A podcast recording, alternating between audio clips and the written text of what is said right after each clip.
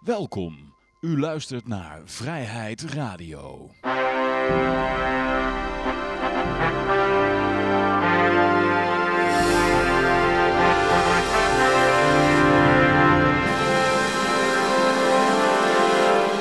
Ja, dames en heren, jongens en meisjes, dit is weer een nieuwe aflevering van Vrijheid Radio. Leuk dat u luistert. We zitten hier gezellig in Café Libertaria met op dit moment Peter, Hallo. ik Johan en onze speciale gast Kim Winkelaar. Ja, goedenavond, Deze middag, avond. ochtend, whatever you want.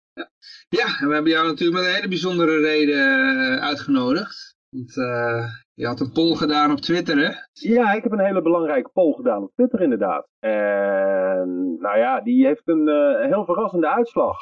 Namelijk, eh, de vraag was wie is het meest geloofwaardig? En eh, of van de vier keuzes was op de laatste plaats geëindigd met 1% Jesse Klaver. Met 3% kwam daarboven Mark Rutte. En met 4% nog iets geloofwaardiger Klaas Dijkel. Maar de Mhm. absolute winnaar van de meest geloofwaardige persoon was Coco Petalo, de autohandelaar, met 92%.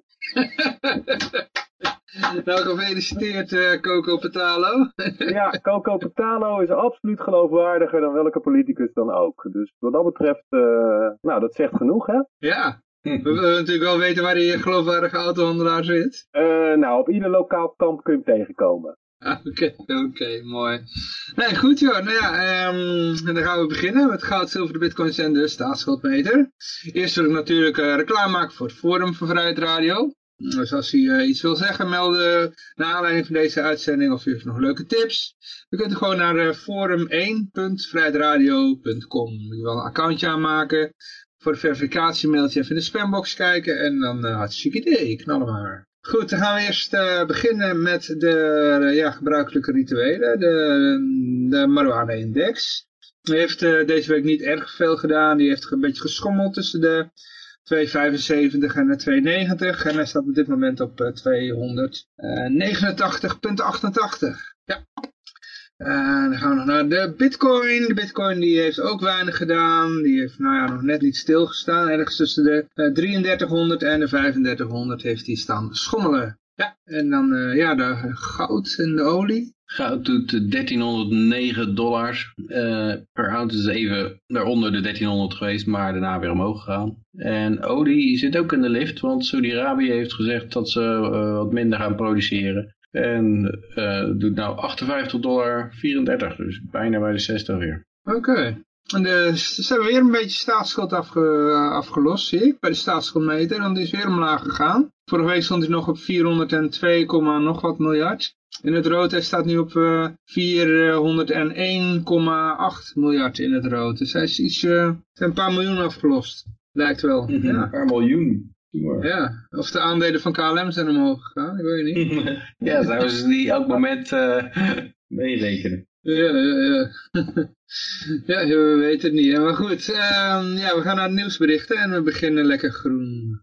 Uh, want ik heb weer een paar groene berichten. En eentje komt van onze... Ja, groen moet je doen. Um, eentje komt uit het zuiden, van onze zuidenburen. Het is namelijk uh, de, de groene Europarlementariër van uh, België, Bart Staes. Die, uh, ja, die vindt het wel een leuk idee om meer groen bij te drukken voor, voor het klimaat. Hè?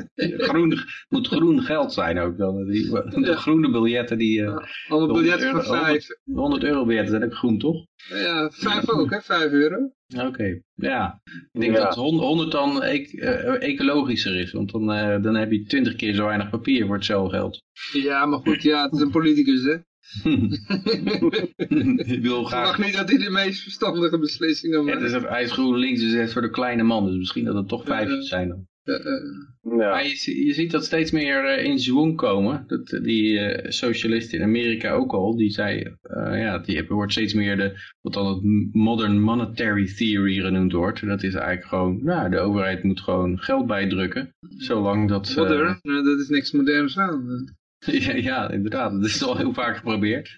Maar ze hebben er een hele mooie theorie omheen gemaakt. Dat het dan alleen moet in, in slechte tijden. En eh, als het dan goede tijden zijn, niet. Maar Ja. ja, dat is met Keynesiaanse eh, Ja. natuurlijk ook altijd zo. Dat het idee is dat je dan in slechte tijden eh, eh, spendeert met de overheid. Dat de overheid zich tegenovergesteld gedraagt aan de burgers. En dan in goede tijden wel een spaarbuffertje aanlegt. Maar in de praktijk eh, ja, leggen ze gewoon nooit een spaarbuffer aan. Dan maken ze altijd schulden. Ja. Ja, dat Mikken is, ze hoogheid op 2% tekort. Maar ja, dat hij is compleet dus- onmogelijk natuurlijk, want er is een oneindig aantal goede doelen. ja. Dus Ja. de overheid vindt altijd weer, weer een nieuw goed doel om aan te spenderen. Zo simpel werkt het. ja, zeker En als dan het altijd, als het dan goed gaat, dan is er altijd wel weer iemand van ja, het gaat zo goed, we moeten toch wel eh, dit of dat gaan steunen. Nee, maar het gaat ook nooit goed, denk ik. Want ze zullen altijd zeggen, nee, de klimaatarmageddon zit eraan te komen. Dus het is, eh, het is continu. eh, Armageddon ligt op de loer. En Ja, of de Ja. Chinezen, of uh, verzin het maar. Het is er inderdaad altijd een doemscenario. Toen, toen jongens waren, de, de, de, de raketten, weet je wel, de, het, de kernbommen. Toen, Mhm. eh, en, en we hebben nog een ijstijd, hè, in de jaren 70 zou er een grote ijstijd aankomen. En de olie zou opraken. Het gat in de ozonlaag en de zure regen. En eh, de, de, de Millennium Bug hebben we ook nog gehad, hè. Die hebben echt, nou, echt overleefd, hè. Oh, maar ja, Maar het argument is dan meestal dat ze zeggen, van, ja, kijk, met die banken is er, met die bail-out ook een heleboel geld bijgedrukt. Dus eh, nou ja, als dat gewoon kan, dat is nou bewezen, want je krijgt geen eh, hyperinflatie. Nou ja, dan, eh, dan kan je het ook doen voor het milieu. Ja, de vraag is alleen natuurlijk hoe je in hemelsnaam met geld bijdrukken een, een, eh, sowieso iets aan het milieu zou kunnen doen. Want Ja. ja. dan ga je een heleboel geld bijdrukken en dan, dan ga je dat massaal investeren in openbaar voer, zegt hij dan. Dus er gaat een heleboel openbaar voer. Dat zijn sowieso al van die lege staalkolossen die er rondrijden. Ik zag laatst nog in Zweden weer een bus eh, ontploffen. Er zat weer niemand in, behalve de chauffeur. Eh, ja, je kan daar niet iets aan het milieu mee doen. Want je, als je heel veel gaat investeren in openbaar vervoer, dan geef je heel veel geld aan bedrijven die bussen maken, die treinen maken, aan, eh, aan mensen die treinen besturen, aan conducteurs. Aan, eh, nou, je geeft het geld uit aan al, allerlei dingen en ook aan brandstof daarvoor. Dus dat betekent gewoon dat dat, je, dat die mensen die dat geld ontvangen, al dat nieuwe geld, die gaan een extra vakantie boeken en die gaan eh, een groot huis kopen. En dus de, de totale hoeveelheid olie die geproduceerd wordt, die wordt gewoon geconsumeerd ook. Alleen als de overheid een heleboel geld uitgeeft, dan wordt het door andere mensen geconsumeerd. Dan gaan de ambtenaren allemaal op vliegvakanties. Dat is het enige verschil. Maar het wordt geconsumeerd. Nou, die vliegvakanties, daar gaan ze ook nog wat aan doen, maar daar komen we zo nog over op. Ja, het is gewoon als, als je miljoen, en hij heeft het hier over, de Euro- Europa loopt jaarlijks duizend miljard euro mis door belastingontwijking en fraude. Dus hij denkt sowieso dat, er, dat, er, dat die duizend miljard ergens uit zou kunnen zuigen zonder dat het gevolg heeft. Hè? Dat is ook het idee van, nou ja, eh, er is ergens een geldstroom, dan tap je gewoon duizend miljard extra uit en het, en het verandert verder niks. Dus je tapt het gewoon af, maar blijft toch wel doorgaan. Niet dat mensen Ja. hun gedrag gaan veranderen of zo, nee, helemaal niet. En hij zegt ook, geld bijdrukken is geen taboe meer. En de urgentie is daar, want je moet de stijging van temperatuur tot anderhalve graad beperken 2030. En de rekenkamer zegt dat daar 1115 miljard euro voor nodig is. En dat kan. En dan hoef je geen aanslag te plegen op de staatsbegroting. Je moet gewoon wat extra aftappen en wat extra bijdrukken. En eh, dat heeft voor de rest helemaal geen eh, effecten. Ja, ik, ik Dat, heb al dat eerder iemand gezegd... dat ooit eerder bedacht heeft, hè? Nou ja, inderdaad. hè. Ja, ik heb wel eerder gezegd, het is gewoon, eh, dit is een Maoïstische eh, ehm, Great Leap Forward, hè? Grote sprong Ja. voorwaarts. Dit, eh, dit gaat, ja, dit soort bedragen, dat gaat echt eh, enorme schade toebrengen. Ja. Dus Ja. is Maoïstisch, ja, de Mao had toen op de, de, de wilde die zo'n nationaal belang dat de staalproductie van China hoger was dan van Amerika. En dan gingen ze de meest, eh, ja, moet je pot en pannen inleveren en eh, om de staalproductie op te voeren. Nou ja, de enorme hongersnood kwam er door alle, alles werd omgelegd om Amerika aan staalproductie voorbij te gaan. Klopt. Maar wat ze in China ook gedaan hebben, is op een gegeven moment eh, een poging gewaagd om alle mussen uit te moorden. Ja, Ja, Want mussen eten graan en dat is natuurlijk heel, heel slecht. Dus hebben ze Ze, ze gedaan. hadden op het hoofd van de Mao gepoept, hè? Daar, daar was hij boos op over, toch? Mhm. Ja, dat, dat schijnt een, eh, broodje aap te zijn. Oh, maar eh, mussen waren in ieder geval heel slecht, want die aten allemaal graan op en zo. Dus Mm. toen zijn ze heel voortvarend aan de gang gegaan met mussenslachten. Waarna ze dus insectenplagen kregen. Ja, ja. Goh, die mussen die eten blijkbaar toch ook wat anders dan graan. Ah, Eh, eh, Ja, het is eigenlijk wat, wat, wat in, bij Mao gebeurde door de mussen de schuld te geven van de hongersnood. Dus je, je begint eerst met een vreselijk Ja. wanstaltig economisch project. Dan geef je iemand anders de schuld die er niks mee wil doen heeft. In dit geval mussen. Die ga je dan uitmoorden en dan gaat het helemaal mis. En eigenlijk is, in de, is Stalin heeft dat ook gedaan in de Oekraïne. Hij heeft de hele halve Oekraïne uitgemoord. Ja. Een hongersnood. Ook om eh, ja, zijn, eh, het falen van zijn eigen landbouwbeleid eh, te ontkennen. ja, nou ja, Dus goed, dat hij is- had er zelf geen boterham minder om, hè. Dus ja, Nee. wat kan hem het nou schelen? Ja. eh, eh. Nou, over zo'n dergelijke psychopaat hebben we zo meteen ook nog een, eh, een berichtje. Eh, maar eerst even ehm, over dat we ja, maar drie keer per jaar eh, mogen vliegen. Nou ja, bij onze oosterbuur dan. Hè. Het is een Duits berichtje. Dan gaan we Ja. even Duits praten. Jawohl, uh, genau. En je ziet ook iemand staan met vliegtuigjes om zijn hoofd. Die, ze de, die ziet ze vliegen. Dat hebben ze mooi gedaan. Ja, ja, maar goed, het gaat om de, om de Duitse Dieter Janecek. En die wil de Lustspielvliegerij, oftewel voor de lol heen en weer vliegen, die wil die eh, gaan bestrijden. En daardoor gaat hij, wil hij dat eh, mensen certificaten krijgen. Waarmee ze, iedere Duitser krijgt dan drie certificaten om heen en weer te vliegen. En dan komt er dus een soort handel in gang. Hè? Want als je vaker wil Ja. vliegen, dan moet je naar je buurman toe om eh, een certificaat te gaan kopen. En waarschijnlijk om al die certificaten te gaan bijhouden, zullen ze waarschijnlijk wel weer 1000 of 2000 ambtenaren nodig hebben. En aan het eind van de rit verandert er natuurlijk helemaal niks. Maar als je nou geld bijdrukt, dan kan je meer certificaten kopen. En dat is tegenwoordig ook geen taboe meer. Je kan ook certificaten bijdrukken. dat kan ook, Dat je ja. er iedereen de duizend geeft. Ik durf te wedden dat dit eh, alleen maar voor de gewone man geldt. Maar voor de, de, de ambtenaar, die kan nog... eh, en, vooral de, de groene ambtenaar, die kan zoveel vliegen als die wil. Ja, maar die kan declareren. Ja. De vraag is dan of je in, in dat soort certificaten kunt beleggen ook dan. Dan kun je waarschijnlijk eh koersstijging profiteren. Ja. Ja, je kan misschien wel hatchen, je kan er van alles mee, joh. Dat is, dat is weer een geweldig plan. Maar dat was met die, eh, ooit met die CO2-credits ook, hè? En dat was toch niet zo'n geweldige belegging, want eh, ja, ik weet niet meer wat, wat daarmee gebeurd is, maar er zijn er een heleboel van bijgemaakt. Ja, oh, lijkt wel overheid.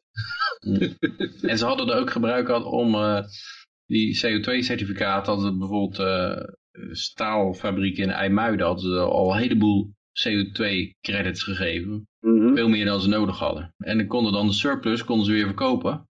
En dan was het eigenlijk gewoon een soort verkapte staatssubsidie van de Nederlandse staalindustrie. Ja, hetzelfde is aan de gang met, eh, met die hele groene stroom die jij eh, thuis hebt. Als je Nuon groene stroom of Eneco of welk dan ook. En die kopen dus certificaten in in IJsland. Want daar is alles namelijk, eh, alle stroom is, is groen, omdat we dat opwekken met eh, geothermische energie. Dus die houden certificaten over in IJsland. Dus die verkopen ze dan aan de Nuon en dan, en dan hebben wij opeens groene stroom. Maar er er verandert dus echt letterlijk helemaal niets. Die IJslanders gaan er natuurlijk totaal niet anders mee om. Wij hebben, geen, eh, wij hebben echt geen lijntje liggen, stroomdraadje van, van IJsland naar Nederland.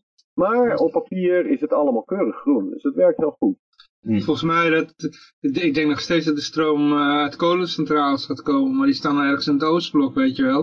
En die kunt voor een prikje verkopen aan het westen. Ja, maar stroom kan je maar beperkt eh, verplaatsen. Hè? Dat Oké. geeft heel veel, trans- heel veel transportverliezen. Oké. Dus dat, dat gaat niet zomaar. Maar wel met certificatenhandel kan je alles groen maken. Ja, ja.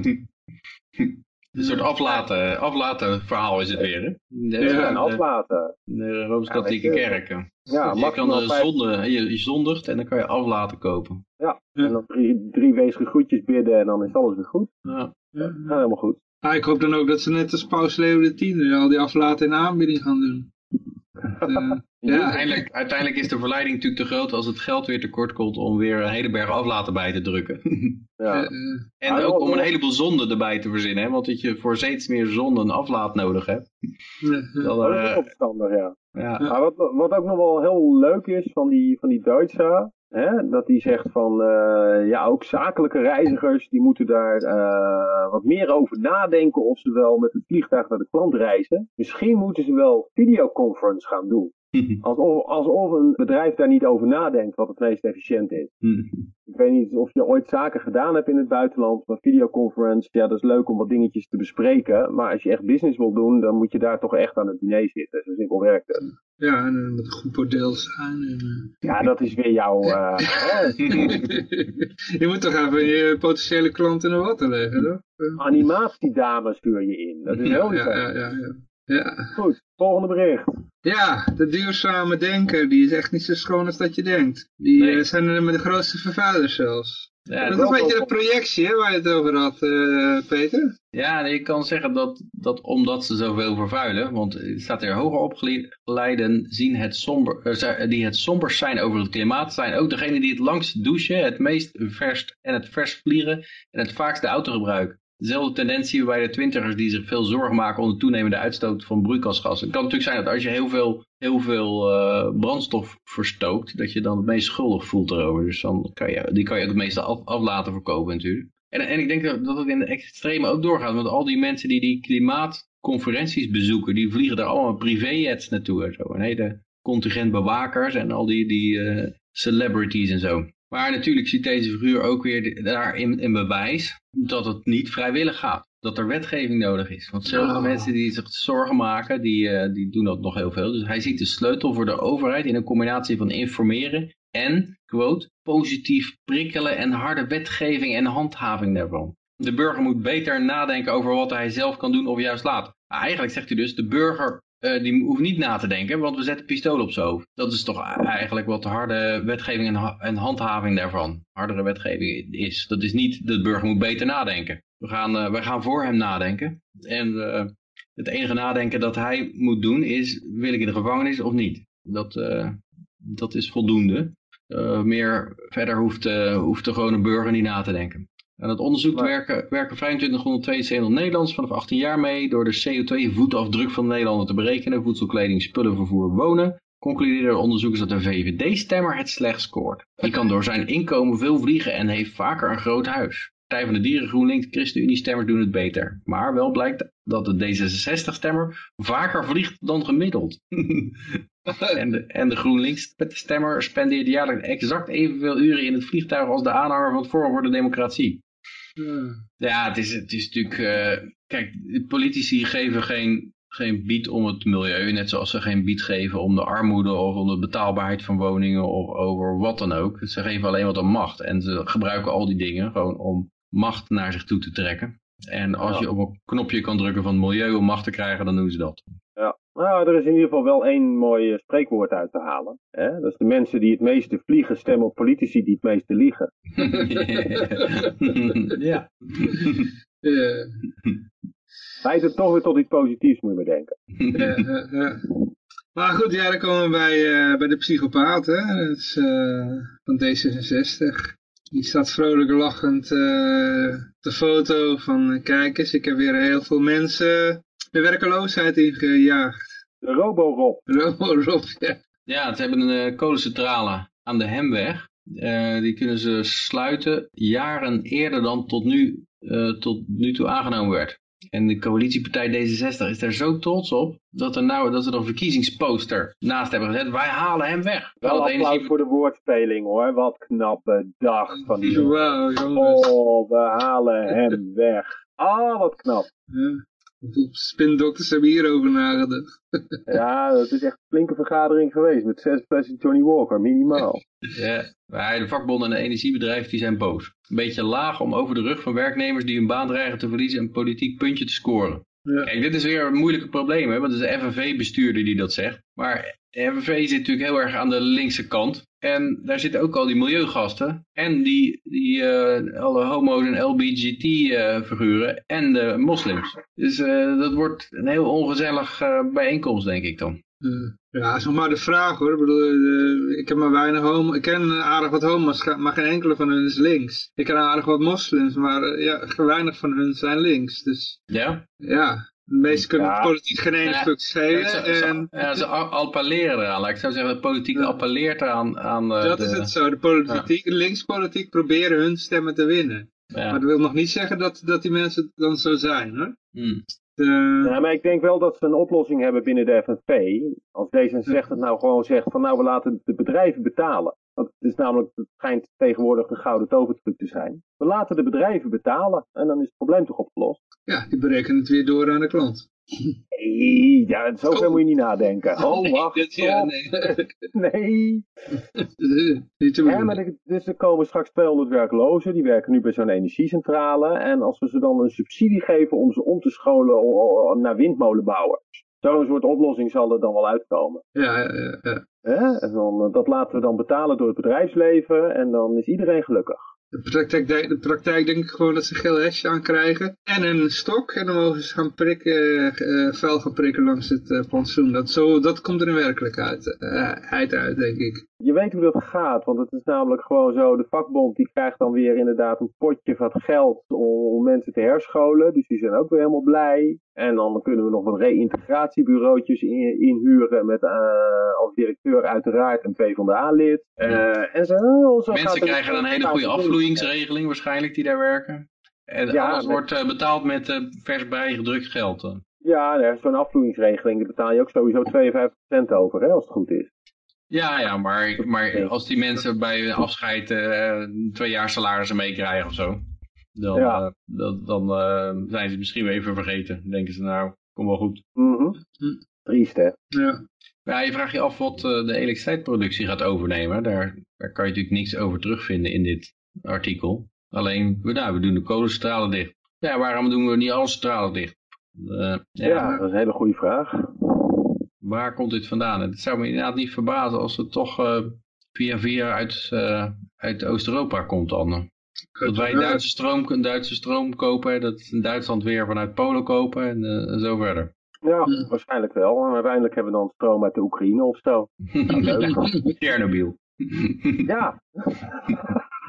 We gaan inderdaad een keer op het nieuws krijgen als dan een keer stroomuitval is. Dat dan uh, die journaallezer toch de oorzaak moet opnoemen. Ja, een kolencentrale in Bulgarije begaf het of zo, weet je wel. een enorm cascade effect. ja, ja en, en, er komt ook bij dat, dat ze willen dat iedereen elektrisch gaat rijden. Dus aan de ene kant gaan de centrales dicht, aan de andere kant moet iedereen elektrisch gaan rijden. En als je, als je wel eens uitrekent wat het kost om zo'n uh, zo'n auto van, met een accu van 85 kilowattuur op te laden, dan, dan sta je gewoon een, een hele nacht uh, een, stop leeg te trekken helemaal. Uh, nou ja, dat niet alleen. Het, het hele net is er niet op berekend, hè? Nee. nee dat, dat, dat is alleen nog maar het transportnet is er niet op berekend. Maar ja, je gaat ook productie weghalen hier. Ja, dus dat wordt, het wordt dubbel op feest. Hm. En dat ik heb het idee dat er weinig ingenieurs in zitten die er doorgerekend hebben. En degenen die erin zitten, die zijn afbetaald. Ja, maar weet je, het geeft zoveel ellende. En dan vraag je aan zo'n linkse politicus van, joh, hoe reageer je nou straks als de, de nachttrein niet rijdt omdat er even geen zonlicht is en uh, het windstil is? Ja, dan reageren ze dan niet op, hè, op zo'n vraag. Dat is heel raar. Mm. Want dat is leuk, dat hernieuwbaar, maar als het niet waait en het is nacht, dan heb je geen hernieuwbaar. Mm. Ja, dan doen ze gewoon, uh, ja, ze drukken gewoon uh, een triljoen euro bij. En dan uh, is het opgelost. Want zo denken oh, ja. ze, denken gewoon alles heeft een prijs. En als je maar met, met uh, euro's strooit, dan, uh, dan lossen de problemen zich zo voor als sneeuw voor de zon op. Ja, ideaal. Ja. Maar we hebben nog meer berichten. Even kijken hoor. Ja, verliefde burgemeester is naar huis gestuurd. Ja. Dan gaat de prijs van burgemeester met twee keer omhoog. Hè? Want er komt dan een waarnemend burgemeester, want hij kan niet functioneren, omdat hij verliefd is. En, uh, maar hij wordt ook nog gewoon doorbetaald, dus ja. Dus uh, burgemeester Berry gaat het over. ja. ja. van de libertarische hotspot Geldrop Mierlo, hè? Ja, ja. Hoeveel libertariërs, ja, procentueel uh, zijn daar de meeste libertariërs. Maar het is een klein dorp, maar het kent drie libertariërs of zo. Zoiets. Ja, deze burgemeester heeft afgelopen vrijdag een heftig gesprek gehad met zijn vriendin in Gelderop. Daarop verdween hij van de radar. Hij stond kennelijk op een radar. Omdat er zorgen waren over zijn geestelijke toestand, werden de hulpdiensten ingeschakeld. Dus hij heeft een heftige, heftig gesprek met zijn vriendin. En dan zijn er gelijk zorgen over zijn geestelijke toestanden. Dat is dan een burgemeester. Nou, dan weet ik wel wat er gebeurd is. Die heeft gedreigd zelfmoord te plegen. Ja, maar dat is toch een beetje raar voor iemand die een burgemeester is. Dat vind ik toch... Uh, nou, die man heeft ook gevoelens. Ja, maar ik, ik, denk dat als je bijvoorbeeld een piloot van een vliegtuig bent en je begint over zelfmoord te praten, als je een heftig gesprek met je vriendin hebt gehad, dan denk ik dat je niet lang meer piloot van een vliegtuig bent. Nou, die ene die vloog toen tegen een bergwand aan, toch? Ja, ja. ja, ja dat uh, gebeurt natuurlijk wel eens, maar het is uh, geen aanbeveling. Nou, is, is het wel zo, oh, eigenlijk kan je als burgemeester geen kwaad doen, dus uh, ja, je kan gewoon helemaal niet opkomen dagen en dat is nog niks aan de hand, maar... Um, ja, ja, de perceptie is dat het als ergens rellen zijn of een uh, ander iets, dan uh, zij wel even baas van de politie, dat wel. Maar ik denk niet dat er in Gelderop Mierlo uh, zoveel dingen gebeuren. De eerste tekenen dat het fout zat in Huizenlink kwamen op 6 januari. Tijdens de nieuwjaarsreceptie van de gemeente naar boven. Zijn vriendin schot hem daar ten overstaan van veel collega's uit. Kennelijk geen respect voor zijn ambt. Beledigen voor de ambtenaar in functie is dat. Zat iemand anders in de billen te knijpen of zo? Nou, het is overigens wel een mooie, mooie anekdote. Het, het woord nieuwjaarsreceptie bij de gemeente valt. De burgemeester is inderdaad korpschef, zoals, uh, zoals je weet. En op de dag van de nieuwjaarsreceptie is de standaardprocedure dat de politie gebeld wordt om geen alcoholcontroles klopt, te houden. Klopt, klopt. Niet alleen dan, hè? Ook, want ze Nee, weten wel zulke borrels, dus uh, dan is er ook geen controle. Dus, uh, Nee. Uh, Maar dan weet je dat als je een keer met drank op wil rijden, uh, zonder aangehouden te worden, dan moet je dat doen op de dag van de nieuwjaarsreceptie. Als je dat graag wil doen, dat is altijd nieuwjaarsdag zeker. ja, en, en een wekelijkse uh, borrel, hè? Ook. Dat is meestal sommige, sommige plaatsen is dat woensdag, bij anderen op vrijdag. Maar... Ja, maar meestal wel. Maar dan weet je dat in ieder geval. Dat is toch altijd fijn, hè? Ons kent ons. En eh, kort na deze affaire, waarin, eh, waarin de ambtenaar functie werd uitgescholden, eh, besloot de gemeente een onderzoekscommissie in te stellen naar de affaire. Wie, wie dan de gemeente is, dat weet je niet. Hè? Maar dat is niet de burgemeester, maar dat is dan kennelijk een wethouder hacking of zo. En toen kreeg Barry Link een waarschuwing van diezelfde gemeente. De affaire leek toen over. Ja, dat is meestal de gemeentesecretaris die dat doet. Hm. Die is de feitelijke baas, hè? In de gemeente. Oké. Uh, Oké. Maar ja, Goed. volgende, volgende verhaal. Ja, we gaan even kijken wat we nog meer hebben. Eh, stad stelt een maximum aan prijzen koopwoningen in de middensector. Ja, Ja, ik deze... vind het een schandalig bericht. Ja, Ze willen, de Amsterdam wil de maximale verkoopprijs voor huizen in de middensector tussen de 175.000 en de 297.000 euro liggen, laten liggen. Dat maakte wethouder Laurens Evans vrijdag bekend. Maar ik vind het schandelijk. Er zijn heel veel mensen die dat niet kunnen betalen. Dus ik vind dat je eigenlijk, als je dan toch een maximumprijs doet, doe dat dan twee tientjes of zo.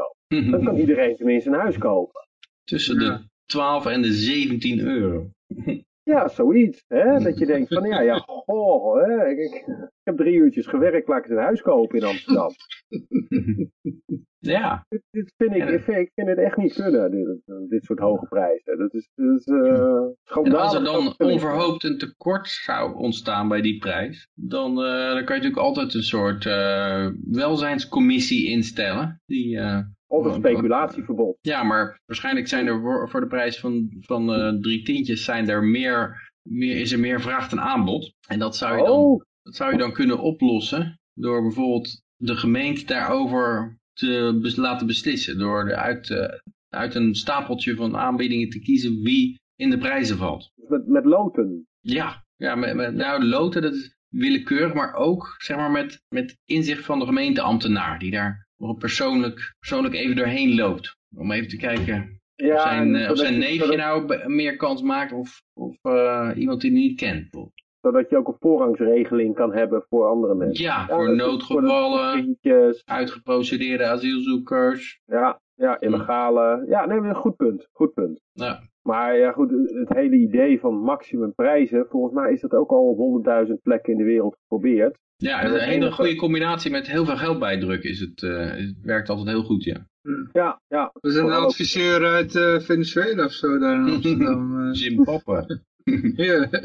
Weimar, Duitsland, Hongarije, noem maar op. Ja, nou ja, goed. Het Caracas aan de Amstel eh, komt in ieder geval wel weer in het nieuws. De wethouder Laurens Iwis. Ja, de manier waarop het gepresenteerd wordt is ook, hè. Ja, het, het, rare is sowieso dat er...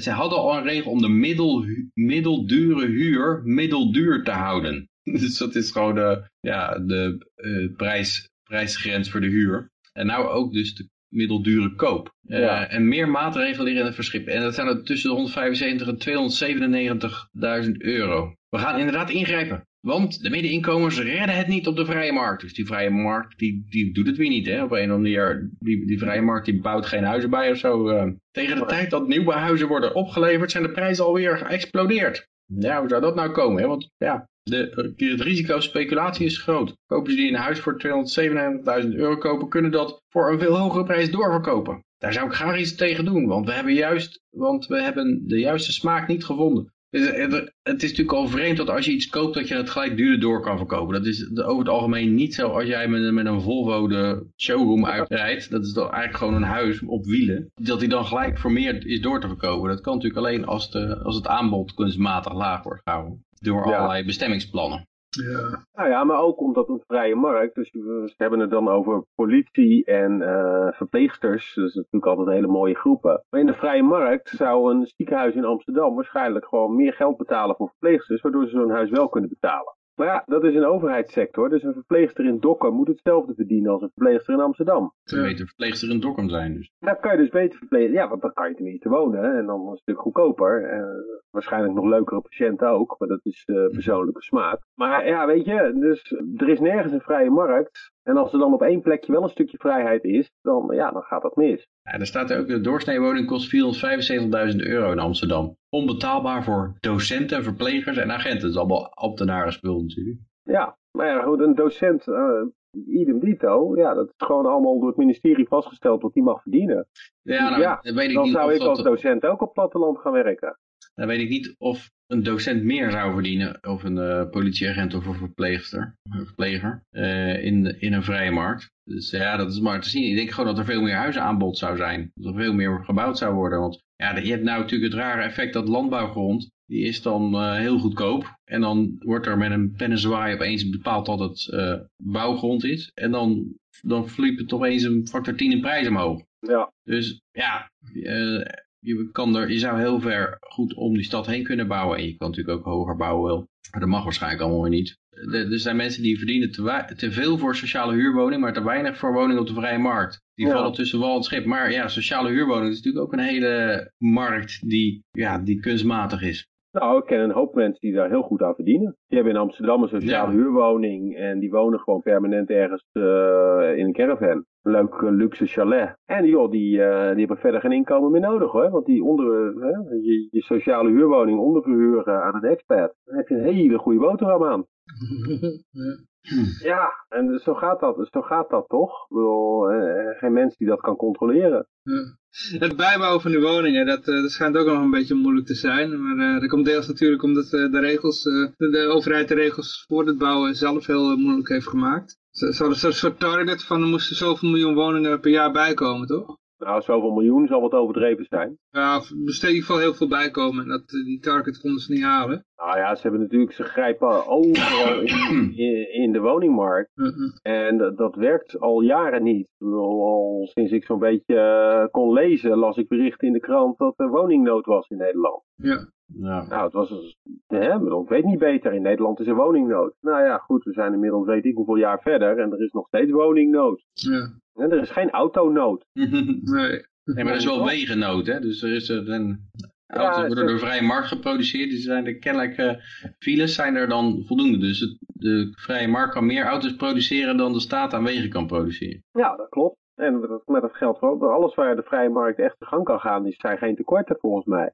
Ja, dit is ook raar wat hier dan staat. Het gevaar dreigt dat bouwers kleine en goedkope woningen neerzetten. Nou ja, je zou zeggen als er dus als de prijs te hoog is voor een groot gedeelte van de kopers, dan gaan ze dus inderdaad kleinere en goedkopere woningen neerzetten. Dat lijkt me, lijkt me logisch, dat eh, daar dan kennelijk vraag naar is.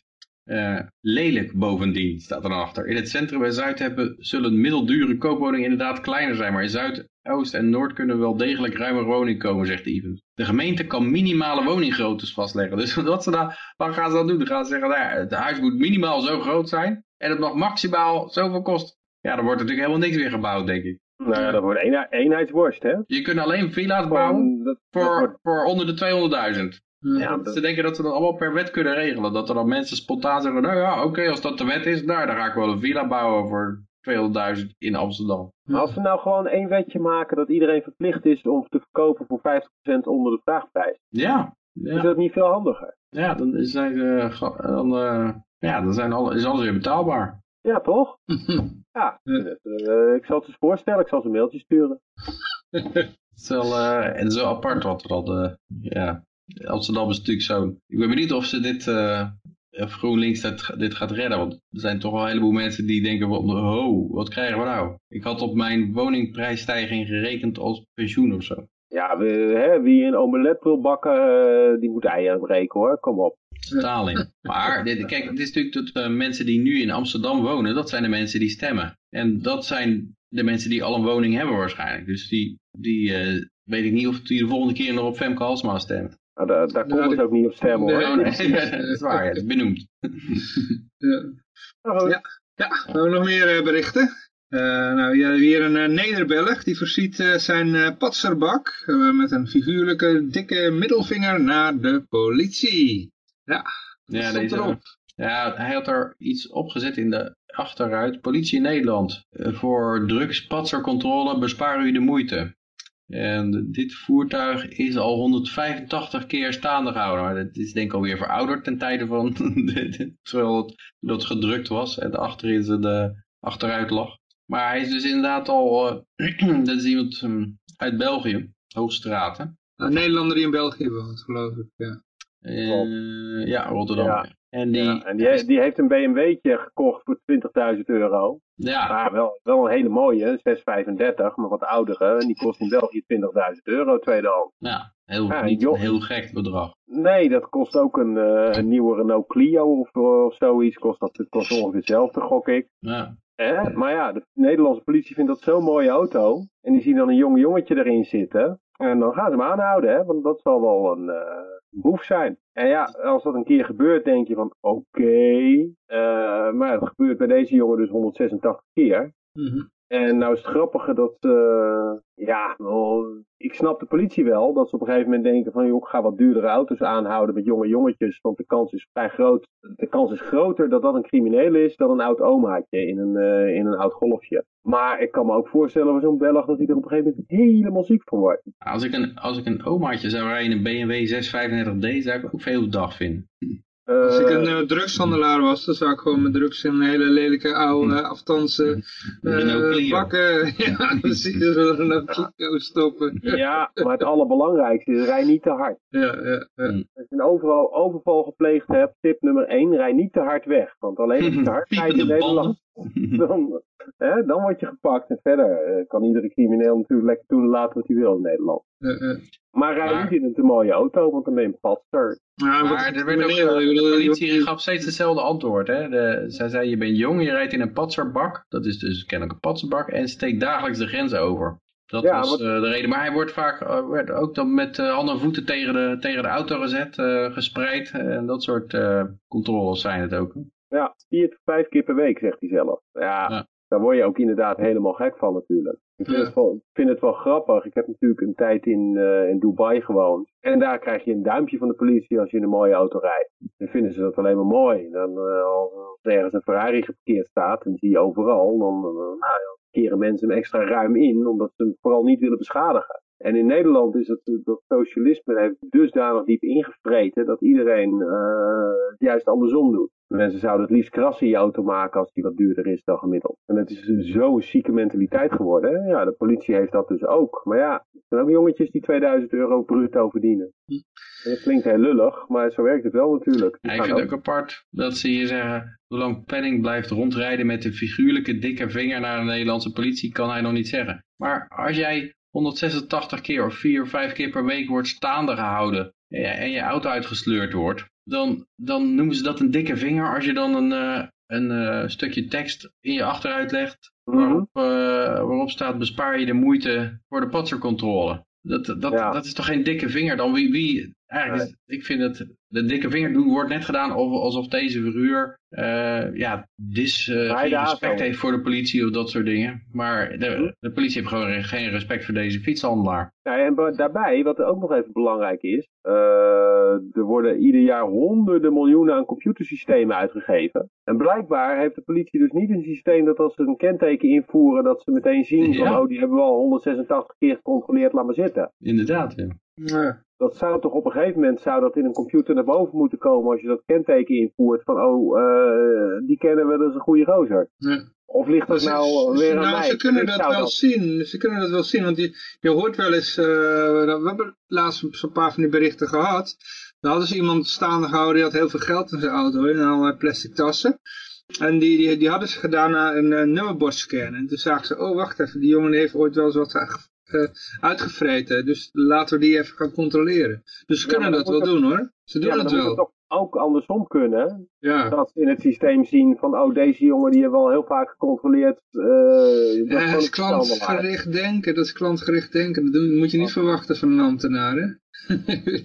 Nee, maar er moet toch iemand met verstand zitten? Want nee, nee joh, kan, ze hebben die, die, die prikkel niet, weet je wel. Dat, dat, nee, dat- ik snap het. Maar, Ja, ze hebben geen concurrentie, dus fuck iedereen, weet je wel. eh, om- maar ja, goed, het zal- dat zal wel aan mij liggen. Maar ik zou in zo'n computersysteem inbouwen dat als je iemand tien keer gecontroleerd hebt, dat er dan een lampje gaat branden van, oh joh, eh, het zal wel goed zijn. Ik zat Dan gaat, dat hij, dan jij... gaat hij juist eh, drugs handelen. Dan gaat hij zorgen dat hij tien keer gepakt wordt. Dat er niks aan de hand is. En dan gaat hij toch een partij drugs de elfde keer. Oh ja, ja. Nee, ja, ook- Ik kan horen dat jij niet in de publieke sector werkt, eh, Kim. Nou, dat- is, dat is wel een goede opmerking. Weet je dat er helemaal niemand is die dat doet? Ja, oh ja, werken, ja. Maar ja, de straatveger, die werkt. Ja, oké.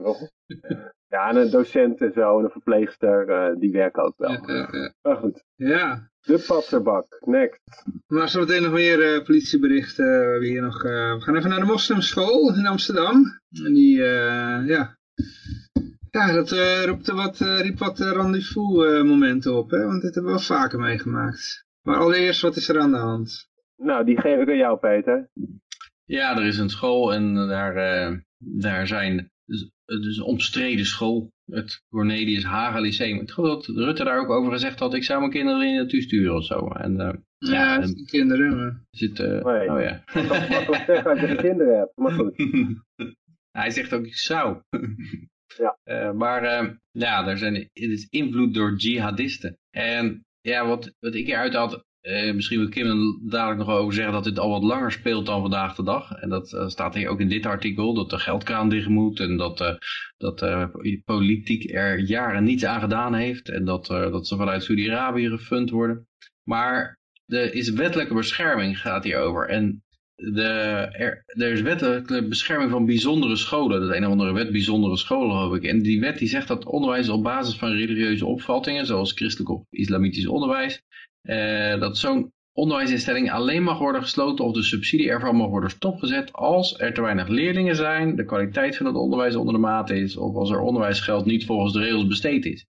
Maar dat was een soort, eh, van heel lang geleden is die wet nog, om te zorgen dat, dat niet een katholieke regering alle protestantse scholen eh, van geld kon ontdoen, zeg maar, of dat geld kon ontnemen. En eh, dat er zo'n zo soort godsdienststrijd via de overheid zou plaatsvinden. Want iedereen weet natuurlijk, elke religie weet dat je de kinderen moet beïnvloeden. Want als je de kinderen hebt, dan, dan heb je de volwassenen. En ik denk dat dit een manier is om een beetje de volkswoede op te kweken. Dus je doet er gewoon jarenlang niks aan. Je laat het flink uit de hand lopen. En dan komt er op een gegeven moment de roep des volks. En de roep des volks zegt, hier moet wat aan gedaan worden. Er is al tien jaar lang niks. En dan kunnen ze eh, waarschijnlijk wel dat bijzondere onderwijs gaan afschaffen. En eh, de subsidie ook aan eh, ja, alle christelijke scholen stopzetten. En alle bijzonder onderwijs. Dat je alleen nog maar openbare staatsscholen hebt. Ik denk Vrije dat dat scholen hebben we nog, Montessori scholen, noem maar op. eh. ja, het eh Sudbury ding en zo. Dat, dat- ik denk dus dat we dat gewoon allemaal kunnen gaan afschaffen onder, eh, onder dit mom. Ja, Maar- dat is zo mooi. ja. Einheidsburg. Ja. Maar Kim, ja, jij had nog een, een goud van oud berichtje, hè? Nou ja, een heel mooi artikeltje met, eh, met eh, veel zeggen uit de Telegraaf, veelzeggende kop. Moslimscholen zetten aan tot haat. En eh, daarin wordt gesteld dat minimaal 10 van de 32 islamitische scholen worden verdacht dat ze aanzetten tot haat en discriminatie bij moslimleerlingen. En 20% van deze scholen worden gefinancierd vanuit Saoedi-Arabië. En het, eh, het wordt nog veel erger natuurlijk, want de meerderheid van de Tweede Kamer vindt dat de geldkraan onmiddellijk moet worden dichtgedraaid voor Ja. fundamentalistische moslimscholen. Als je denkt van, goh, dat, dat does ring a bell, dan dit bericht komt letterlijk uit 2002. Ah. Vlak voor de moord op Fortuyn. Hm. Dus Gewoon Nou ja. eh, 17 jaar oud.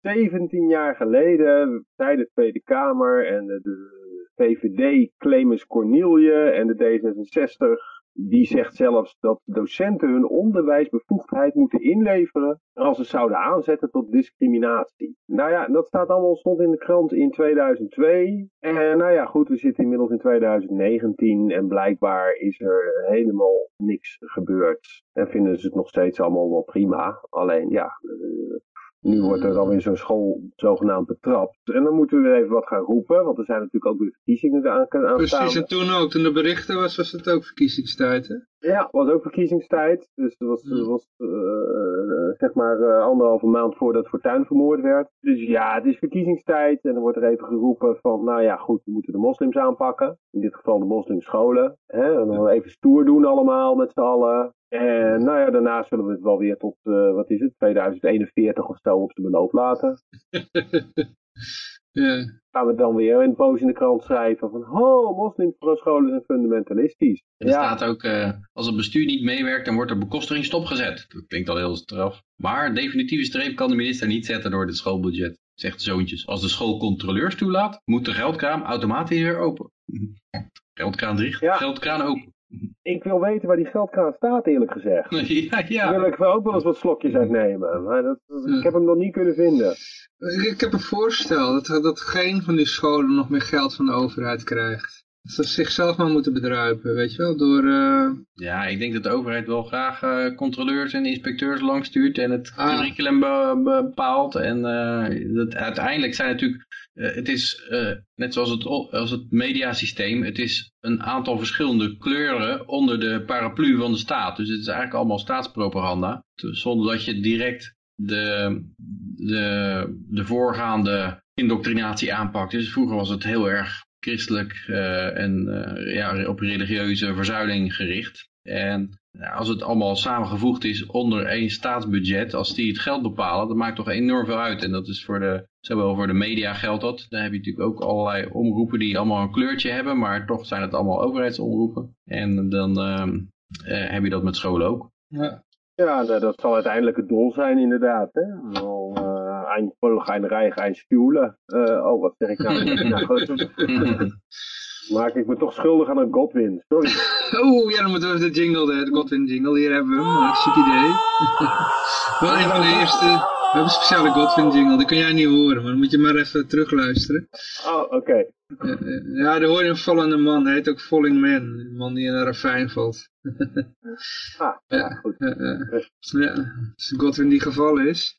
Ja, dat was wel een van de eerste dingetjes die de, de nazi deden. Ja, die, die rolde altijd meteen een heel programma uit. Maar een van de eerste dingen die ze dan deden als een, een Anschluss was geweest, was eh, de scholen meteen naar eh, een eigen model omvormen. en de gezondheidszorg. Ja, alles eigenlijk, ja. Ja, maar dat, dat, eh, de scholen was eigenlijk vrijwel meteen, hè. Hm. Nou, ik Dus, vind het eh, altijd wel grappig als mensen inderdaad, je hoort heel veel aan de linkerkant dat eh, roepen van we willen het ziekenfonds terug. Mhm. Ja, het ziekenfonds is in Nederland ingevoerd in 1941. Ja, dan mag je zelf de berekening doen wie er toen aan de macht waren. Ja, ja, ja. nou, dat was de verplichtheid, was het, hè? Dat was de, de krankenkassen, eh, die, die, die, de verplichting ging in. Want eh, er bestond al een verzuild eh, ziekenfondsstelsel die vrijwillig was. Ja, maar men was vanwege, de, vanwege de verzuiling was je, werd je gewoon lid van. Want ja, de, toen werd via de vakbonden en via de, de kerken werd jouw eh, eh, ja, sociale vangnetje geregeld. Maar daarmee was je wel gebonden aan die kerk. Maar het was wel vrijwillig, dus je hoefde niet eh, te betalen. Maar eh, ja, ja, dat zagen de Duitsers niet zitten, dus toen werd het allemaal verplicht. Ja, maar dat is netjes in, eh, in 1941 eh, gedaan. En toen, eh, toen heette het ook netjes het ziekenfondsbesluit. Ja, en door de SDAP nog eh, allemaal uitgebouwd. Later, eh, later werd dat de PvdA en de VVD. Zit Ja. al heel dicht bij de NSDAP, dus eh, ja, What's in a name? de Nederlandse Sociaal-Democratische Arbeiderspartij. Ja. Maar eh, ja, we gaan nog even verder. We hadden nog meer berichten hier liggen. We gaan naar eh ja, Eindvolg en Rijk, eh een EU. We hadden toch al een god in gemaakt. De EU wil landen toevoegen aan een zwarte lijst van eh, belastingparadijzen. En welke landen zijn dat? Oman, die wordt sowieso toegevoegd. Hm. Net als Oh, enkele wauw. Caribische en pa- eh, pacifistische eilanden. Eh, pacif De Pa- Pacific. Pacific. pacif- pacifistische eilanden zijn. Denk aan Micronesië en zo. Ja, de meeste eilanden zijn vrij pacifistisch hoor. Er wordt een eiland iets zien aanvallen, maar goed. is- nee, hè? Ja. Ja, Ja, Japan heeft wel eens... Nee, dat, dat, Ja. dat, zijn, dat zijn toch echte mensen op zo'n eiland? Het eiland zelf doet vrij Ah, Oké, ja, ja, ja. Ja, ja, ja. Uh, de EU twijfelt nog of de Verenigde Arabische Emiraten en Bermuda op de hernieuwde lijst moeten komen. Dus ja, op dit moment staan Samoa, Trinidad en Tobago op de lijst, net als Amerikaanse Samoa, Guam en Amerikaanse Maagdeneilanden. Ja, ik denk dat dit zo'n lijst is die ook alleen maar groeit. Uh, omdat er steeds meer schurken worden gevonden, net zoals een soort terroristenlijst. Maar wat als, als je op zo'n zwarte lijst staat, wat gebeurt er dan? Wat zijn de consequenties? Nou, consequenties zijn vrij heftig hoor. Oké. Okay. Dat is echt wel, als je, als je geld hebt op de bank staan bij een in een van die landen, dan uh, kun je toch echt wel uh, extra controles van de Belastingdienst uh, verwachten. Of je kan opeens niet meer bij je geld. Oké, okay, dus je moet er nog even een schakel tussen doen eigenlijk, dat, dat zeggen ze. Nou ja, als je, je kan echt maar de lul zijn als jij je geld op een bank op een of ander Caribisch eiland hebt staan. En de EU verbiedt van de een op de andere dag transacties met dat land. Ja, dan heb je toch een probleem. Moet allemaal via bitcoin of zo. Ja, dan kan je het geld waarschijnlijk niet meer afhalen. Ja, maar ik, vraag me af, kunnen ze ook gewoon zien? Uh, volgens mij, uh, als je een crimineel bent en je hebt ergens een account, dan is dat natuurlijk geheim of zo. voor andermans ja, maar weet je, oh wacht, dit gaat niet om criminelen natuurlijk, hè? Dit gaat gewoon om normale beleggers en ja. vaak mensen die een bedrijf verkocht hebben of via een trustsector uh, proberen om een klein beetje van hun eigen geld nog te mogen houden. En dat soort, dat soort mensen die, uh, die proberen dat natuurlijk gewoon wel via, via estate planning gewoon hun geld netjes te spreiden over verschillende landen waar ze niet zo moeilijk doen. Ja. En ja, de EU maakt dat, maakt dat steeds moeilijker uiteraard, want die zien dat als hun geld. Mm -hmm. Ja, je moet ook bedenken, je kan zeggen van ja, dat, dat weten ze niet, maar er lekker natuurlijk onder havenklap. Ze betalen natuurlijk van die uh, spionnen die de Panama Papers lekken of dan gaan ze zo'n regering onder druk zetten en die gaat dan weer een lijst vrijgeven en dan opeens uh, ligt er weer een lijst namen. Ja. En dat is natuurlijk met Zwitserland ook gebeurd. Die, die Zwitserse banken dat is ook, uh, die zijn ook wel gedwongen om samen te werken. Samen te werken, ja, dat vind ik wel een mooi term. Ja, zo heet het dan. Ja, je krijgt ook als een... Gedwongen om samen te werken, ja. ik krijg wel eens een uh, envelop door de bus hier, dat staat op belasting-samenwerking. Dat staat er gewoon op. Oké, okay, nou ja, dat kan. Dus, uh, gezamenlijk een projectje doen. ja. Gezamenlijk gezellig uh, jouw geld uitgeven. En het, is, het is natuurlijk ook wel een, een politiek gemotiveerde lijst. Hè? Want uh, in het bericht staat ook van dat de EU twijfelt of uh, de Verenigde Arabische Emiraten op die lijst moeten komen. Daar moet onderhandeld worden. ja, dan willen ze nou, eerst geld zien. Uh, nou, een bepaalde deal in hun voordeel. Of Dat niet moet alleen. samengewerkt worden. De Verenigde Arabische Emiraten is weer een, uh, een vriendje van de coalitie met Saudi-Arabië die in Jemen aan het vechten zijn. Uh, en er is ook sprake van wat wapendeals daar. Dus uh, ja, als de Fransen daar uh, gevechtsvliegtuigen kunnen verkopen, of de Amerikanen, ja, dan moet je zo'n land natuurlijk niet gaan straffen. Hebben, dat, soort, dat soort overwegingen spelen allemaal mee. Het staat natuurlijk niet in het bericht, maar ik weet toevallig dat het zo is. Ja. Dus eigenlijk is dit artikel gewoon een soort dreigement. Van als jullie niet met onze deal akkoord gaan, dan komen jullie op deze zwarte lijst, waar al die andere landen al op staan. Nou, het is een dreigement aan die landen natuurlijk. En maar ja, man die weet nu wel van, uh, als wij nou een gevechtsvliegtuig leveren, dan komen we niet op die lijst. Nee, maar bovendien, wat je ook vaak ziet natuurlijk, als je maar vaak genoeg dit soort berichten in het nieuws gooit, dan gaan mensen die geld daar hebben, die gaan toch in paniek raken. Ja. Mensen die in paniek raken, die gaan gekke dingen doen. En dan zijn ze veel makkelijker... Zoals bitcoin kopen. ja, dat zouden ze natuurlijk wel moeten doen. Maar uh, meestal gaan ze het dan toch overboeken van, oh jeetje, uh, ik heb mijn geld in Oman zitten. Nou, laat ik het snel overboeken naar mijn rekening in Zwitserland. Nou ja, dan ben je de lul. Ja, ja, maar ik denk dat bitcoin kopen, dat gaat ook niet lukken. Want dan ga je naar, uh, weet ik veel, BL3P en dan zeg je, ik wil graag wat bitcoin kopen vanuit deze, met deze rekening van Guam of zo. En dan, dan is dat bitcoin bedrijf, die zijn, die zijn ook weer aansprakelijk als zij zaken doen met een land dat op de zwarte lijst staat. Daar mogen ze gewoon geen zaken mee doen. Want als dat, zij krijgen ook controles en als dat dan zichtbaar wordt, dan zijn ze de pisang, dus die zullen dat ook al wijzigen. Ja. En ik hoorde trouwens laatst uh, uit Canada, uh, die gaan uh, mensen met bitcoins, de, de IRS daar, de, de Belastingdienst, die gaat speciale audits geven. En er wordt onder andere ook gevraagd naar welke, uh, of jij wel eens bitcoins met cash koopt, of jij wel eens uh, swaps doet uh, van de ene voor de andere coins, of jij, en, en welke adressen jij onder controle hebt. Dus dan kunnen ze natuurlijk, als zij die bitcoin adressen, kunnen ze ook helemaal nagaan. Traceren via de blockchain waar jij die gekocht hebt of waar je die vandaan hebt. Of, Mm. dus daar gaan de duimschroeven ook wel aan. En dat zal in Nederland ook wel gaan gebeuren, denk ik. Oh, als er ergens geld te halen valt, dan, dan zijn ambtenaren opeens een stuk actiever. De kippen bij.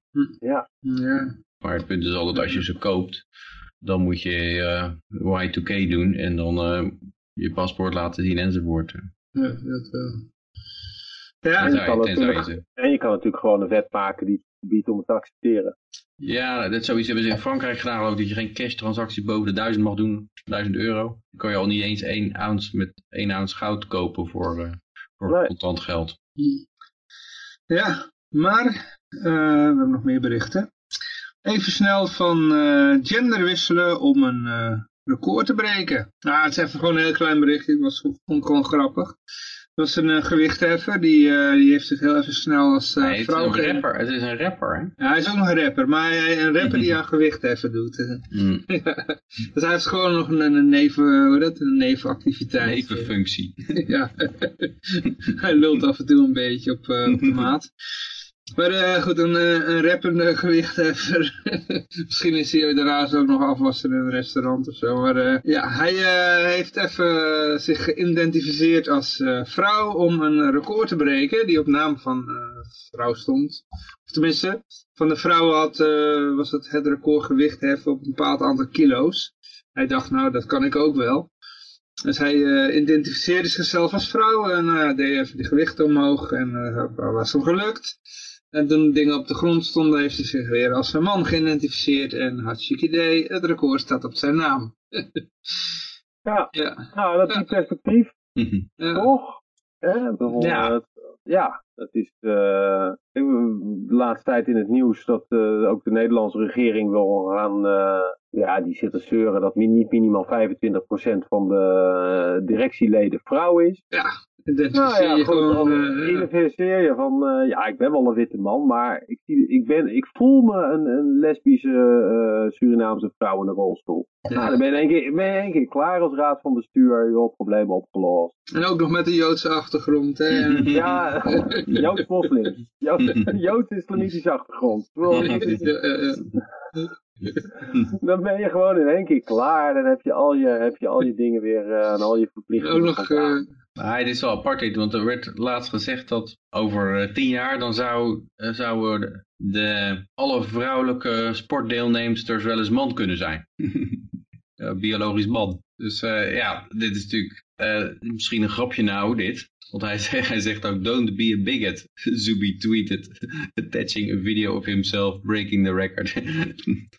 maar ja, het kan natuurlijk heel goed dat, je ziet nu al enkele sportteams waar een enorme gast in meespeelt, als die, eh, die zogenaamd vrouw is. En ja, als, als, je, als dat eenmaal zo makkelijk lukt, dan denk ik dat, dat inderdaad binnenkort het hele vrouwelijke voetbalteam uit allemaal mannen bestaat. Die zich als vrouw identificeren. dus, en het is, het is wel een, een aparte ontwikkeling. Want eh, je hebt natuurlijk die verschillende golven in het feminisme gehad. En de tweede golf feministen, die liggen nou onder vuur van de derde golf. En die derde golf, dat zijn die, die, eh, die hele transgender toestand zit daar ook bij. En die noemen die tweede golf feministen, wat eigenlijk een beetje de traditionele feministen zijn, die noemen dat eh TERFs. Trans Exclusive Radical Feminist of zo. Dat is een soort scheldwoord. En die, die lukt het dus ook om bepaalde van die klassieke feministen, om die van Twitter geband te krijgen. Omdat ze wat tegen trans zouden hebben. Maar die, die tweede feministgolf die zegt van, hé hey, wacht eens even, deze ontwikkeling betekent dat we gewoon weer achteruit gaan in het feminisme. Eh, dat eh, ja, mannen zich gewoon als vrouw kunnen identificeren. mhm. Dat is niet goed voor, eh, ja, voor de positie van de vrouw. En eh, ja, dan wordt er opeens heel hard geroepen door transactivisten dat, eh, dat ze bigot zijn enzovoort. En dan, eh, ja, dan worden ze overal afgegooid en lastiggevallen en uit hun baan en een boek worden geweigerd. Dus een, Tom Woods die heeft een interview gedaan met zijn feminisme. Inderdaad, die wilde een boek schrijven en de uitgever vond het allemaal akkoord. Totdat er een hele eh, angry mob op hem afkwam. En toen heeft hij toch maar gezegd, nou liever niet. En eh, ja, zie je dus zo'n kleine groep van die enorme fanatieke agressievelingen. Die kunnen dan enorm veel, veel invloed hebben. De drie hysterische twitteraars, zeg maar. Ja. Ja, maar het, het is bizar, want iedere normaal mens snapt dat dit gewoon echt helemaal nergens op slaat. Ja. Ma- mannen kunnen nou helemaal harder rennen eh, en hoger springen. Ja. Ja, oh, Ja. en harder slaan. En eh, en dan moet je je voorstellen dat Muhammad Ali... eh, Tegen zijn dochter moest eh, eh, boksen. Ja, of dat, eh, ja, dat het een of andere... hoe heet die? Badr Hari straks bij de vrouwen gaat mee kickboksen. Oh, maar dat is al gebeurd. Ja, ja, er, is al, er is al een, eh, een vrouw een eh schedelbasisfractuur geslagen bij een vechtsport door een man die zich identificeerde als vrouw. ja, maar dat, dat kan toch helemaal niet? Dat, dat gaat toch helemaal nergens meer over? Ja, maar dat, wat dat betreft is dat wel... Ja, dit gaat natuurlijk... Ergens gaat de gek er gewoon eh, zijn grenzen opzoeken. Ja, En eh, dan hoop ik dat er een moment komt dat mensen zeggen van... Ja, wacht eens even, nou die lui zijn helemaal krank, joh. Nou, eh, nou haak ik af. Hoe, ja, hoe dat- erg ze ook... hoop ja. Maar dat, wat dat, voor- al, dat moment zou toch al lang geweest moeten zijn. Ja, maar het is, het is nu, je ziet dat mensen die er tegenin gaan, die krijgen al die angry mob op zich af. En daarom durven veel mensen nog niet. Maar Ik denk dat, dat daar, daar het hele probleem zit. Misschien moet moet gewoon, ja, moeten is het verkeerde woord, maar gewoon eh, doen. En gewoon eh, dat aandurven. En, en beseffen, het zijn maar drie hysterische twitteraars, meer niet. Ja, nou dat geldt ook voor die bedrijven, want je ziet heel veel bedrijven die, als ze dan een paar van die hysterische twitteraars op bezoek krijgen, die zeggen, ja jullie zijn eh, ja, racistisch of zo, dan, dan, dan schrikken ze zelf gelijk een ongeluk. Je zag Starbucks bijvoorbeeld, die deden he- hele wereldwijd alle Starbucks zaken een halve dag dicht om het personeel voorlichting te geven. En dat ging ook allemaal nergens over, wat het, dat incidentje dat eraan vooraf ging. Het waren gewoon een paar zwarten die zaten gewoon in de Starbucks en die gebruikten het toilet en internet enzovoort, maar die kochten helemaal niks. En toen werd ze gevraagd om weg te gaan en toen zei ze bij racist, racist, racist. ja, dat zou je niet met blanken doen. En, en dan, dan moeten ze een hele voorlichtingsmiddag halen wereldwijd. En je ziet al die bedrijven daar hysterisch over. Ik, ik moet ook van die cursussen volgen. Ja. En eh, ja, ze zijn, daar, ze, zijn er, ze zijn er echt panisch over. Eh, in, in die cursus die ik volg, moest volgen, zat bijvoorbeeld ook dat zag je eh, drie mensen, die zaten collega's. En eentje daarvan zat in een café en die, had een, die liet op zijn, zijn Facebook-account zien en daar had hij een grappig filmpje op gepost. En twee van de collega's zeiden van, oh ja, een grappig filmpje, ja. Maar die derde die zei, no, I'm uh, offended. En dan werd er gezegd, eh, maar wat is de correcte eh, handelswijze? En de correcte handelswijze was, je mocht geen eh, grappige filmpje, of je moest uitkijken met wat je op je sociale media plaatste, ook als het privé is en buiten werktijd enzovoort. Want andere mensen zouden jouw post kunnen zien en daaruit concluderen dat de hele bedrijfscultuur zo was. Hm. Dus eh, ja, die bedrijven gaan zich bemoeien met wat jij op je eigen social media post. Omdat ze bang zijn voor die drie hysterische twitteraars. En ik denk dat dat op een gegeven moment op gaat houden inderdaad. Dat, dat het gewoon, dat ze niet meer hele, hele producten kunnen eh eh, shelven omdat er een paar mensen hysterisch van worden of zo. Of, of een paar men, of talentvolle mensen de, de laan uitknikkeren omdat er een paar hysterische mensen zijn. Hm. Ik denk op een gegeven moment gaan die handen overspelen. Dat gaat nog wel even door, vrees ik. Maar ja, goed. Hm. Of Ja, wordt dat in je. Facebook, eh, je op je sociale media niet op jouw eigen naam zetten. Eh, ja, dat mag niet hè. Ik zie zat mensen die dat doen hoor. Ja, ja het- het- het- je komt er wel mee weg, maar ik ken bijvoorbeeld een, die iemand had een vrij gebruikelijke naam, die had zelfs onze eigen naam, maar die moest een paspoort opsturen, want die naam kwam nogal vaak voor, dus ze geloofde niet... eh, Oh, als je jezelf bier van voornaam noemt en tje aan- als achternaam of zo. Ja, nou ja, goed. Mijn, mijn, mijn helaas ex-vrouw, eh, die heet Post van de achternaam. En die had inderdaad een probleem. Want ja, nee, dan eh, je moet bewijzen dat je inderdaad bij de post werkt. Oké. En serieus, serieus, true story. Die moest echt inderdaad ook van alles opsturen. Dat ze niet geaffilieerd was met een of ander postbedrijf. Of wel, of eh, whatever. Uh, uh, uh. eh, Het slaat helemaal nergens op. Maar ik ken ook verhalen van mensen die bij een eh, grote chemische eh, fabriek gingen werken. Die berucht was of bekend was vanwege het feit dat ze nog eens dierproeven eh, deden. En er Oh, werd ja. echt letterlijk op de eerste dag gezegd van joh, wat je ook- doet, laat niet weten dat je bij ons werkt. Want gegarandeerd dat je de dierenactivisten eh, bij je huis krijgt. hm. En dan wordt gewoon die banden lek gestoken. Of eh, je krijgt van die mooie eh, graffiti op je, op je voorruit en eh, dat soort dingen. Uh, het is gewoon echt heel schokkend hoe, hoe een paar kleine, kleine groepjes activisten eh, de macht hebben wat dat betreft. Hm. Ja. Dat is de gekke wereld waarin we leven. En wij libertariërs zijn ook maar een heel klein groepje, maar We zijn niet Ja, zo maar wij hebben later. gelijk, dat is het verschil. Ja, we doen geen vliegkwaad, hè. Dat is niet waar. Oh, we ontwijken belasting. Ah, Nee, ik heb vandaag nog vlieg vermoord. oh, oké. ja, inderdaad, letterlijk. Kakkerlakken. Ik hoop dat Marianne Thieme niet meeluistert. Oh jee, oh jee. Die vlieg hebben ook rechten. Die heeft, Ja. Maritieme's immuunsysteem heeft nog nooit een ameuben vermoord natuurlijk. Nee, vast niet. Ja. Maar in ieder geval eh, zwaardere straf voor wie een agent mishandelt. Oké, vlieg mag dan wel, maar niet een agent, hè.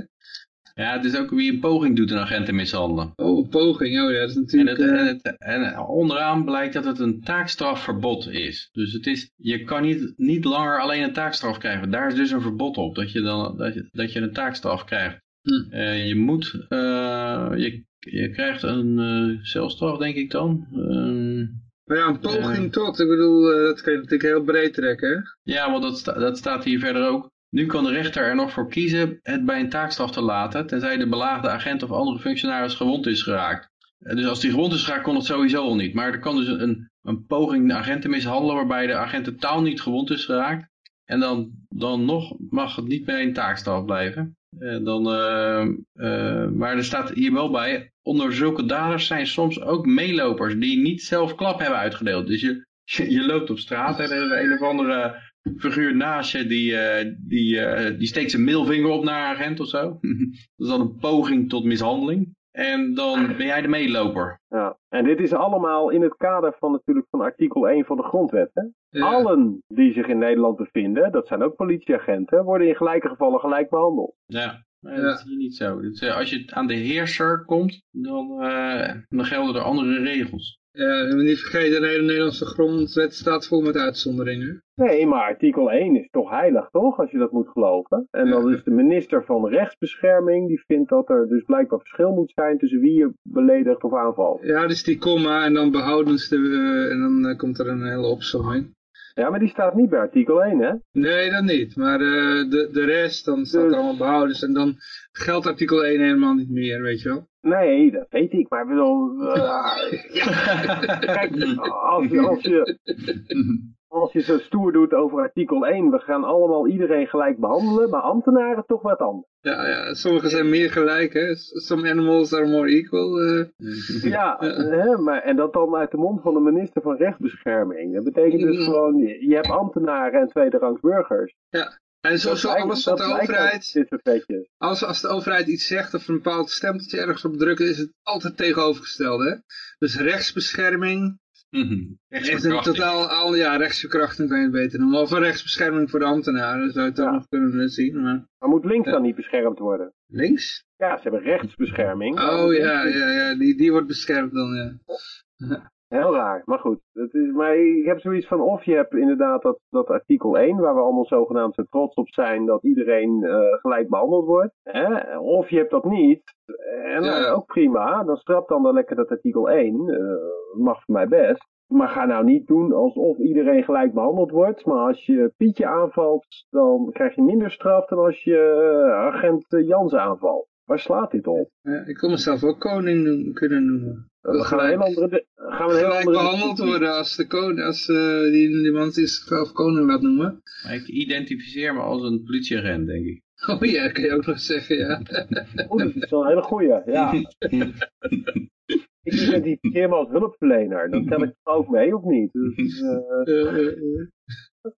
ja, het, het- slaat allemaal weer helemaal nergens op. Maar goed. Dat, eh, en dat grappige is, we hebben dus dan zogenaamd volksvertegenwoordigers. En niemand die zo'n opmerking maakt. Hè? nee. Dus eh, geen enkel Kamerlid die dan roept van... joh, hoe zit dat met artikel 1 van de grondwet? Nee, dat verwacht ik dat het door de Eerste Kamer wordt afgevangen dan. Ja, maar ja, die zijn zo bezig met hun bijbaantjes. Die hebben daar geen tijd voor. Maar eh, ja, eh, heb jij nog politieke ambities, eh, Kim? Misschien kun jij het doen? Ja, ik wil verlicht despoot worden. Oké. Voor namens welke partij? eh? Nee, namens mezelf. Oké. ja. Dus ik, ik, ik, vind, ik vind het gewoon, gewoon een verlicht despoot, dus een dictator eh, die het, goede voor heeft voor zijn volk en zijn eigen kinderen, vooral het laatste. Dat vind ik wel, dat vind ik wel, hè, dat vind ik wel een rol die mij geschikt eh, lijkt. Ja. Nog een Romeinse keizer als voorbeeld? Nou, nee, maar zo'n zo'n zo'n eh, sultan van Brunei lijkt me wel een mooi voorbeeld. Oké, ja. Hoor jij ooit klachten uit Brunei? Nee, dat zal er allemaal Nee, wel zijn. hè? Ja, dat zal het wel goed zijn, toch? Dus, Hoor jij ooit klachten uit Noord-Korea? nou, wat dat betreft heb ik mijn naam mee als Kim. Dus wat dat betreft... Ja, ja. dat- Je kan hem zo opvolgen. ja, ja, maar dat Noord- Noord-Koreaanse model vind ik dan wat minder. Ik bedoel, Van mij mag volle koek best rijk worden, als ik nog maar iets rijker ben. Dat vind ik... eh, Ja, ja, ja. Hè? Dus eh, ja, dat, dat, is, dat is mijn, eh, mijn ambitie, maar ja, ik vrees niet dat ik het ga waarmaken. Ja. Maar ja, eh, nooit geschoten is altijd missen. Ja, nou, ik heb ooit gesolliciteerd als, eh, als koning. Oké. Toen die functie vakant werd, toen Beatrix zei van ik stopte mee, toen heb ik eh, wel een open brief naar Mark Rutte geschreven dat ik graag koning wilde worden. Oké, nog wel een reactie gehad? Of- Nee, heel raar. Geen enkele reactie op. Nou ja, dat was namelijk op basis van het, eh, moet ik even denken, het verdrag van New York uit 1966, wat we ooit getekend hebben als Nederland. En nou ja, zoals je wellicht weet gaan internationale verdragen boven de Nederlandse grondwet. Mhm. En in dat verdrag van New York staat dat discriminatie op grond van geboorte, dat dat verboden is. Oké. Dus toen heb ik gezegd van ja, je mag niet discrimineren op grond van geboorte. En alle Nederlanders zijn eh, op gelijke voet in openbare dienst benoembaar. Staat ook weer in de grondwet. Dus nou ja, ik wil wel solliciteren als koning. Dat lijkt me wel wat. Ik ben best goed in lintjes knippen en dat soort dingen. Ik kan ook zak lopen, dat is belangrijk op, op Koningsdag. Dus dat, ik denk van nou, ik heb alle kwalificaties die, ik, die je kunt hebben. Maar ik heb daar toch niet, eh, niet echt een reactie op gekregen. Dat viel me wel tegen eigenlijk. Ja. Ik heb toch misschien- voor, de- misschien- voor Willem. Misschien kun je Zelf, nog aanvechten. ja, ja, dat kan wel. Ja. Maar ja, dat heb ik eraan. Nou ja, misschien een kans, hè. en anders heb je, ja, goed, dat maakt Kan niet uit. beter een staatslot kopen? Dan Ja. heb ik ook een kans. Er is nog een, eh, een andere vacature vrij, eh, zie ik hier. Er is namelijk een, een, een officer. Ja, dat is gewoon maar even een politieagentje noemen. Die eh, heeft ontslag getekend. Want ja, het zijn eh, functie als eh, politieagent misbruikt om eh, in de database te snuffelen naar vrouwen. Ja, Ja, en hij heeft al 150 vrouwen om een date gevraagd. Hè? En toen pas kwam het uit. Dus het valt me eigenlijk... eh, het is eh verbazingwekkend. Ook, ook dat hij 150 moet vragen voordat hij een keer succes heeft. Dat, nou ja, misschien... eh, dat, was eh, nummer 150 die ging klagen of zo? ja, dat neem ik aan. Eh. Ja, nee, het- wat mij vooral opvalt is dat een politieagent niet weet dat Tinder bestaat. Dat lijkt toch veel Mhm. makkelijker. Maar goed, het zal Ja. wel mij liggen. ja, zijn foto denk ik, dat is het probleem. denk ik. Maar wat Nee. hij, wat hij hier wel kon doen, was natuurlijk in zijn politieauto de dame volgen naar haar ouders toe. Waardoor ze heel erg nerveus werd. Ja, dat is eh, wel een vorm van machtsmisbruik.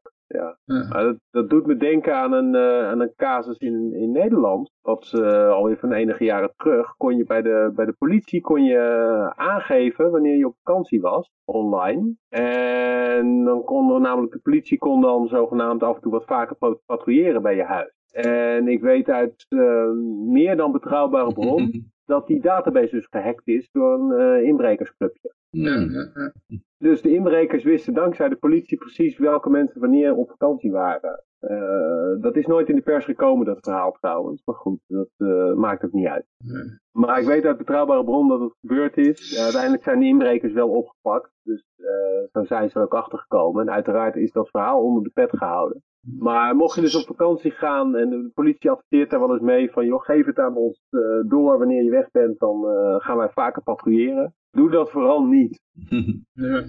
Zelfs als wanneer je eh, juwelen die je geërfd hebt gaat verzekeren, dan eh, moet je niet gek opkijken dat dan spoedig daarna ze verdwenen zijn. Ja, wat ook wel apart hier aan is, Oh ja. is dat eh, ja, hij had dus een ontmoeting met haar op een parkeerplaats. En daarna begon hij haar te volgen. Daar werd een beetje ongemakkelijk van. En toen gaf hij het vertaal en asked for his side of the story. The sergeant said he followed the woman to her residence because one of her headlights was out. And he thought maybe she was impaired. Dus dat is ook altijd weer zo'n zo verhaal. Ja, als politieagent kan je altijd zeggen, ja, ik zag iets raars aan het, eh, iets, eh, er was een lichtstuk bij de auto. De Die, is, die is waarschijnlijk beter in donuts eten dan in smoesen verzinnen. Mijn hemel. Ja, ja, ja. Eh, ja. Dus. En eh, ja, toen zagen ze toch twee hele verschillende verhalen eh, over de gebeurtenissen. En toen hebben ze hem eh, maar eh, op kantoor gezet eerst. Oh, weten jullie nog dat trouwens, daar zit ik opeens aan te denken, dat destijds, eh, want we hebben het nu over een agent die de database van de politie misbruikt, eh, dat er een tijdje terug was Robin van Persie beschuldigd van verkrachting of zo. Oké. En dat toen, eh, toen was het wel, dat kwam wel in het nieuws, dat iets van 4000 agenten opeens de, de files van Robin van Persie in gingen zien, online. Mm. Oké. Alle agenten gingen tegelijkertijd in de politiedatabase om te kijken wat er nou aan de hand was. Oh man. Wel, ja, wel, Lek als een mandje. Ja, nou ja, goed. Dat is, eh, ik ga eens even kijken of ik dat nog ergens kan vinden, dat, eh, dat bericht. Maar dat was toen ook wel een soort van rel. Ik denk dat het al zeven jaar geleden is. Ja. Nou, ik zit er niet. 2005. Ja, dat is Ah, een eh, DigiNotar verhaal geweest, toch? Eh, 2005. Meer dan 200 agenten van het Korps Rotterdam hebben geprobeerd het dossier van voetballer van Persie in te zien. Terwijl ze daarvoor niet bevoegd waren. Nou, ik overdreef het een beetje met een 4000. Het waren er dus 200. Ja, goed, maar er waren wel eh, een hoop die eh, wel bevoegd waren natuurlijk, hè? Die staan Ja. niet in het artikel. Dus, maar alle agenten dus, oh, rilletje met een bekende Nederlander, laten we meteen even in de, in de database gluren. En ja, het is natuurlijk, eh, ja. De gegevens die zijn heel erg veilig bij de politie. ik hoor het alweer. Maar jij zegt, eh, Peter, Ja. deze man, die, eh, die, eh, als dit bij een, bij een, gewoon bij een bedrijf zou gebeuren, iemand die zou gewoon zijn bevoegdheid misbruiken om rokken te jagen. Wat zou met zo iemand gebeuren als, die, eh, als dat aan het licht komt? Ja, een bedrijf moet natuurlijk winst maken. En deze, deze figuur richtte zich, eh, ze ontdekte de trend dat hij zich eigenlijk alleen maar op vrouwen richtte, niet op mannen. Hmm. En eh, nou ja, altijd eh, achter vrouwen aanging en dan een of ander achterlicht niet zag werken. Maar een bedrijf moet natuurlijk winst maken. En als het een politiebedrijf was geweest, dan moeten ze natuurlijk tevreden klanten hebben. En moeten hun reputatie hoog houden. Want anders dan lopen hun klanten weg. Als, als jij vrijwillig lid bent van een politieorganisatie, politiebedrijf. En je ziet dat die, eh, de werknemer, dat jij, waar jij voor betaalt, is dat mensen achter klanten aangaan. Dan zeggen we, nou, dan ga ik wel naar een ander bedrijf. En dat, eh, dan ga ik naar de concurrent toe. En bedrijven weten dat, dat hun klanten weg kunnen lopen. En die doen er daarom alles aan om, om de zaak eh, zo integer mogelijk te houden. En ja, je, ziet dat, je ziet dat bij het bedrijf, het bedrijf waar ik werk bijvoorbeeld ook, dat, dat, er heel, dat de data heel erg is afgeschermd. Hè? Dat je niet, Ja. eh, ja, je kan, eh, je kan alleen zien wat je, wat je hoort te zien. Maar zouden ze die eh, persoon, eh, we zeggen, ontslaan? Of zouden ze die persoon eh, op het kantoor zetten, zodat die daar vrouwelijke collega's kan lastigvallen? ja, Wat denk je dat er met zo wel- iemand gebeurt? Eh, Dat hangt Je natuurlijk... krijgt eh, een berisping. er is weer. Nou, ik denk Nou, nu dat je dat ontslagen wordt bij je. Dat hangt natuurlijk van als de ontslag erg gunstig is. En er zijn, de arbeidsmarkt is zo dat je makkelijk nieuwe mensen kan krijgen. Waarom zou je dan niet ontslaan? Waarom zou je dat risico nemen? Ja. Ik denk dat je gelijk zou ontslaan, ja. Maar deze mag nou op het eh, kantoor, eh, ja, het is, waarschijnlijk zo'n um, behoorlijk mannelijke omgeving natuurlijk. Daar eh, valt, kan die weinig lastig vallen. Dat vind ik wel eh, heel erg niet inclusief hoor, dat je dus zomaar een gender... eh, Maar hij heeft nou ontslag genomen, hè, zelf. Oh, hij heeft inmiddels ons, oh, hij, te weinig vrouwen op het kantoor. Ja, ja. En dat was de hele reden waarom ik erbij was gegaan. Zonder dat hoeft het niet meer voor mij. Toedoe. Nou ja, hij was, hij was waarschijnlijk gegaan omdat hij dacht dat vrouwen dat uniform zo sexy vinden. Ja, dan blijkt dat tegen te vallen. Ja, dan moet je Ja. het anders gaan doen. Dat je toch achter 150 vrouwen aanrijden met een eh, met je police cruiser voordat je een keer geluk hebt. Ja, Ja, voor, eigenlijk voordat je een keer pech hebt. Want eh, je vraagt je wel af wat, er, wat, wat die andere vrouwen daarvoor eh, hebben gedaan. Hebben die eh, een settlement getroffen met deze agent? Die Nou, hebben agent, boetes waarschijnlijk betaald in Natura. Ja, zoiets, ja. Eh, maar dan komen we bij het laatste bericht. Dat is de Daily Brexit Scare. Dus het zal waarschijnlijk zullen er wel meer zijn, maar ik dacht van, ik zag deze toevallig voorbij komen. Ik let er niet, eh, meestal niet zo op. Er is er elke dag wel eentje. Ja, zullen we gewoon even bij Google News eh, Brexit intypen? Kijken wat er dan eh, tevoorschijn komt. Dan mag jij ondertussen dit bericht voorlezen. Dit komt uit Joop. Hey Joop. ja, dit is eh jongeren in Noord-Ierland. Behoren tot de zwaarste slachtoffers van de brexit. Er is nog geen brexit geweest, maar nu al behoren ze tot de zwaarste slachtoffers. Het ze groeien op in een gebied waar ze dankzij het Goede Vrijdag Vredesakkoord uit 1998 zowel Iers als Brits konden zijn. De grens vormde geen enkel obstakel. De Brex- brexit gaat dat veranderen. Nou, nou eh, moeten ze straks hun paspoort laten zien bij het overgaan van de grens. Oeh. Eh, ze moeten kiezen tussen nationaliteiten en raken hoe dan ook rechten kwijt. Grootste vrees is echter dat er een einde komt aan het open grens en daarmee teruggekeerd wordt naar de situatie van voor 98. Het akkoord maakt een einde aan de burgeroorlog die 30 jaar duurde en duizend levens eisen. Uh, dus nou... Uh, gaat, die gaat weer aangewakkerd worden. Ja. en wel Ira gaat weer... Uh, ja. Emigratie, om niet te zeggen vluchten, lijkt de enige uitweg uit een hopeloze toekomst. dus dan zijn al heel snel... nou, ik denk dat dit ook weer heel erg overdreven is.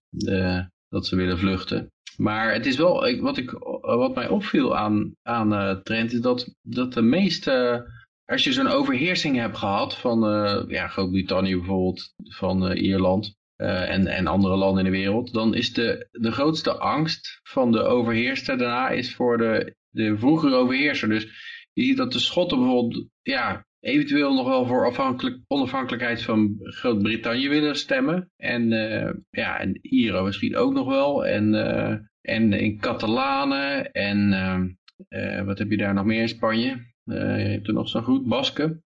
Die willen allemaal wel, Basken en Catalanen onafhankelijk zijn van, van Spanje, maar niet van de EU. Dus ze, en, en ik denk dat je met Polen en Estland, Letland, die touwen ook zo ziet, die zijn nog steeds heel erg bang voor Rusland.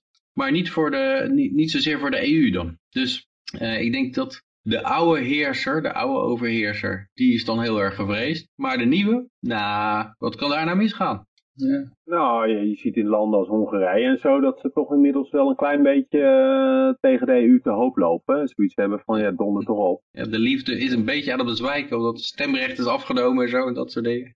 Ja, gek hè? En dan krijg je weer af en toe zo'n GroenLinks miepje op bezoek uh, die gaat beschuldigen dat jullie vreselijk zijn. Ja, dat wordt daar niet heel erg gewaardeerd. Ja. Ja. Maar ik denk dat in Polen nog steeds allerlei NAVO-dingen en zo, ze zijn er toch nog wel heel erg bang voor voor, uh, voor Rusland. Ja. En ja, ik denk dan altijd, ja, waarom, uh, ja, die oude overheerser is meestal aan een, uh, aan een neergang bezig. Net zoals de Sovjet-Unie in een neergang bezig is. En Groot-Brittannië is nog steeds aan een neergang bezig, de British Empire. En eigenlijk heb je daar niet zoveel van te vrezen, denk ik. Dat is gewoon, dat is bezig een natuurlijke dood te sterven. Dat gaat niet zomaar weer, zich weer uitbreiden. Dat zie je eigenlijk nooit in de geschiedenis. Dat een empire die over de top heen is, zoals Spanje ooit over de top heen, dan zie je, zie je dat er alleen maar stukken afvliegen. Maar dat, dat niet dat ze er stukken bij veroveren. Mhm. En, en de EU is typisch iets wat, wat er stukken aan bij veroveren is. Dus je zou zeggen...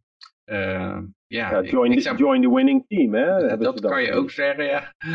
Maar dan word je uitgebuit door een, door een krachtige, groeiende partij. Dan kan je beter uitgebuit worden door een tanende macht, lijkt mij. Ja, maar het probleem is dat mensen het niet zien als uitbuiting. Hè? Het is het wel, nou, maar wel, zo, wel. Zo, zo, zien ze het niet. Tenminste, uh, nog Nee, zo zien ze het van de EU nog niet, maar van Groot-Brittannië wel, denk ik. Uh, ja. uh, en de Spanjaarden, de Basken en de Catalanen ook. Dus zij ja. zien dat echt als een, als een vijand, de centrale macht in, in de empire. maar niet de centrale machten in, in Brussel. Nee, nee, dat klopt. Maar ja, weet je, ik, ik zeg altijd maar zo, joh, kijk naar België, hoe goed dat gaat, joh, meerdere volken binnen, een, uh, binnen één land. Het wordt één grote chaos. Hè? Nou, je kan er wel een mooie BMW kopen voor uh, 20.000. Ja, 635D schijnt. Uh, ik vind op zich België, ik ben heel veel in België geweest, maar ik vind het geen chaos. Het enige wat er wel is, is dat er is af en toe mensen hebben die weigeren gewoon een stofzuins elkaar taal te spreken. Dat heb je wel, maar... Uh... Ja, nee, maar probeer de politiek eens te volgen, joh. Daar word je helemaal gek van. ik als libertariër vind ik het geweldig. Ik wou dat we dat in Nederland hadden. dus wij jarenlang nou, ja, geen regering, dat is ook al heel mooi natuurlijk. Ik ben groot voorstander dat Groningen zich afscheidt van Nederland, hoor. Dat, uh, dat wel. Ik denk dat iedereen die zich afscheidt van Nederland. Nee, maar ik heb nog even uh, dat ieder individu zich afscheidt van Nederland en de rest van de staten. Nog even duren. Ja, maar ik heb uh, nog, wat, nog meer Brexit scare gevonden. Ik moest wel even scrollen, want het meeste ging natuurlijk over wat er recent gebeurd is.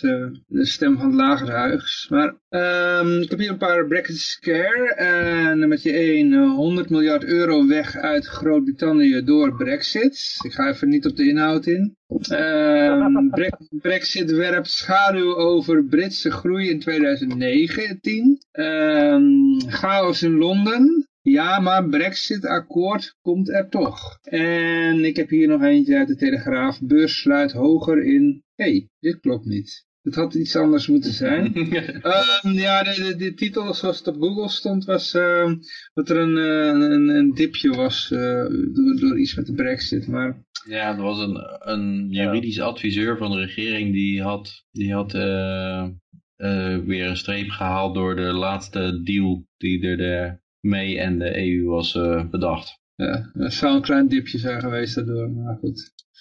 Ja. Nou, het grappige van die brexit, sinds die stemming is geweest in Groot-Brittannië, loop ik al te roepen, als, als zo'n beetje enige geloof ik, van joh, Mark Rutte gaat straks namens de EU hoofdonderhandelaar worden. Hè? En Brexit komt er nu echt aan. Uh, Eerste Kamer of uh, provinciale statenverkiezingen komen eraan. En ja, ik durf ja, bijna mijn hand voor in vuur te steken dat straks uh, na die Brexit dat zal een chaos min of meer worden, politiek gezien. Dat Rutte dan gaat roepen van ja, de plicht roept. En ja, helaas, dat heeft niets te maken met het feit dat ik mijn meerderheid in de Eerste Kamer kwijt ben. Maar ik moet echt voor Brussel uh, dit varkentje gaan wassen. Mm. Dus uh, ik blijf erbij. Rutte gaat straks namens de EU hoofdonderhandelaar worden. En dat is ook echt zo'n oliemannetje die overal een beetje uh, geniepig doorheen uh, geitenpaardjes weet te vinden. Dus als zich zou die rol zal hem waarschijnlijk nog wel passen ook. Ja. En uh, klinkt voor geen meter, maar hij spreekt wel redelijk Engels. Ja. Dus ik, ik, gok zomaar, ik denk dat het ook voor de Britten zou Rutte nog wel acceptabel zijn als toch iemand van een klein beetje het anglo-saxische model. Dus ik, ik gok zomaar dat, uh, dat uh, Rutte zometeen naar, uh, naar Brussel gaat. Ik gok met je mee. ja, ik heb nog één Brexit-scare gevonden op de valreep. Brexit, chaos compleet. Maar kans op verdwijnen BBC 1 en 2 in Benelux lijkt klein. Nou jongens, we kunnen weer gerust zijn. Staat dat nog? Ja, ja, je hebt ze zelfs tot de BBC 6. Uh, ik heb misschien ook nog een 7 of een 8 of zo. Oh, oké. Okay. Leuk. Ja, ja, BBC 6 luister ik nog wel eens vanwege, hoort die Iggy Pop uh, zijn uitzending. Ja. ja, Niet altijd hoor, maar ik weet dat iemand uh, heeft een radio-uitzending daar en die is best wel leuk. Dus, uh, ja, als ik me niet heel erg vergis, heeft de BBC ook een website en daar kan ik dingen terugkijken als ik dat heel graag zou willen zien. Ja, uh, en Taboe en Peaky Blinders. Ik heb die neiging niet heel vaak, maar stel dat ik die neiging zou hebben, dan moet ik via internet op wel BBC kunnen zien. Mm -hmm. Ja. What's the big deal? Dan, dan moet je even tip je VPN natuurlijk op Groot-Brittannië zetten. Ja, nee, dat, uh, dat is een goede tip. Ja. Maar we zijn aan het einde gekomen van deze uitzending. Na de tune uh, mogen jullie nog gewoon blijven hangen en doorlullen. Ja. Wordt wel ja, nog even, nog even een kleine, kleine update. Ja. Uh, Coco doet het nog steeds vreselijk sterk, Coco Potalo, want de, de poll loopt op dit moment nog. Is hij inmiddels al beursgenoteerd? Uh, nou, dat nog net niet, maar met uh, ruim duizend stemmen staat Coco Potalo, de autohandelaar, nog op 92% van de stemmers. Oh. Dus dat is absoluut de meest geloofwaardige van, van dit land. Ja. In vergelijking met Jesse, Mark en Klaas, zullen we zeggen. Ja. Ik vraag me af, als je gewoon een politicus hebt die, of tenminste iemand die in de politiek, die, uh, of iemand waar je op kan stemmen, zeg maar. Het hoeft niet eens politicus te zijn. Uh, maar iemand waar je op kan stemmen, die is gewoon hartstikke eerlijk. Gewoon recht voor zijn raap, die zegt wat hij denkt. En die ja. houdt zijn woord. Ik bedoel, uh, wat voor kans geef je hem? Nul. Naar aanleiding van deze poll. Nul. Oké, okay, die wordt afgesloten Nee, naar aanleiding van de, van de ervaring met de Libertarische Partij. Ah, oké. Okay. We waren, eerlijk en recht voor zijn raap en zeggen wat er is, maar we mensen willen belazerd worden door politie. Maar als het voor Clown Basje meedeed? Nou, hoe heet die, die clown? Die heeft er wel eens meegedaan, Johan Flemings of zo. Ah, oké, ja, ja, ja, ja. Ja, maar goed, die komt wel heel erg, ja, als Johan Flemings over. En die andere, ja, goed, weet je, clowns kunnen best wel scoren natuurlijk. Uh, Beppe Grillo in, uh, in Italië heeft gescoord. Dat was, uh -huh. dat was letterlijk een komiek. -huh. Maar mensen willen toch wel beloftes horen natuurlijk, hè? Ja. Dus uh, je, je moet ze van alles gaan beloven. En dat, was, dat is denk ik nog steeds het hele grote probleem met, met de Libertarische Partij. Dat is, mensen helemaal niks beloven. Nee. En ja, dat is uh, hè, wel, uh, aan de ene kant dat iemand gratis, uh, gratis ijsjes uit te delen. Hè, en aan de andere kant dat iemand spruitjes te verkopen voor een euro per kilo. Ja, ja. Ik kan wel, kan wel zeggen dat die spruitjes gezonder zijn, maar de rij staat toch echt bij de gratis ijsjes hoor, dat kan ik je wel vertellen. Ja. Ja, maar goed, met deze gedachte ja, maken we... Dan zijn we weer filosofisch, hè? Ja, maken we even een einde aan dit programma. Volgende week eh, zullen we dit like weer eh, tot leven wekken. En dan, eh, ja, tot die tijd wensen jullie een vrolijke en vooral heel erg vrije week toe. En ik zou zeggen, toedeledokie. na de eindtune, de recorder staat nog aan. Dus wie nog wil blijven hangen, die mag blijven hangen. Het wordt wel allemaal opgenomen, zodat meer mensen dan alleen de AIXD kunnen meeluisteren. Ah, leuk. hoeveel luisteraars heeft Vrijheid Radio nu? Mensen die ook echt luisteren. Ik heb wel mijn een onmiddellijke, zeg maar binnen de eerste week, een onmiddellijke 100 uh, eh, downloads uh, via mp3. Ja. En dan nog via allerlei andere platformen worden er ook nog een aantal tientallen uh, geluisterd. Maar ik ben niet zo iemand die zichzelf afrukt op de cijfers hoor. Dus ik heb het zie, nee. toevallig, zie toevallig voorbij komen als ik dan weer een nieuwe mp3 upload. Zie ik, hé, hey, 100 gehad of zo. Of tenminste, post op verschillende platformen. Dus dan zie ik al die aantallen bij elkaar ongeveer 100. En dan nog 30 bij uh, wat dat, Mixcloud of Soundcloud. Ja, Angor, ja, al die dingen. Ja. Eh, shit. Wat? nou ja, ik ben uh, helemaal vergeten protestzanger Kees te benoemen. Oh, nou, die kan je nu nog doen. De recorder loopt nog. Het is wel naar de eindtune, maar... Uh... Het is na de eindtune. Mensen luisteren allemaal op Soundcloud naar protestzanger Kees. Dat is, uh, we uh... zitten niet op... Oh, op Soundcloud. Oh, daar zit Kees. Ja, ja. Kees, protestzanger Kees op Soundcloud. Oké. Okay. daar zit, daar zit Radio dan weer niet. Oh. Ja, dan moet je steeds weer een nieuw gratis account aanmaken, weet je wel. Dus...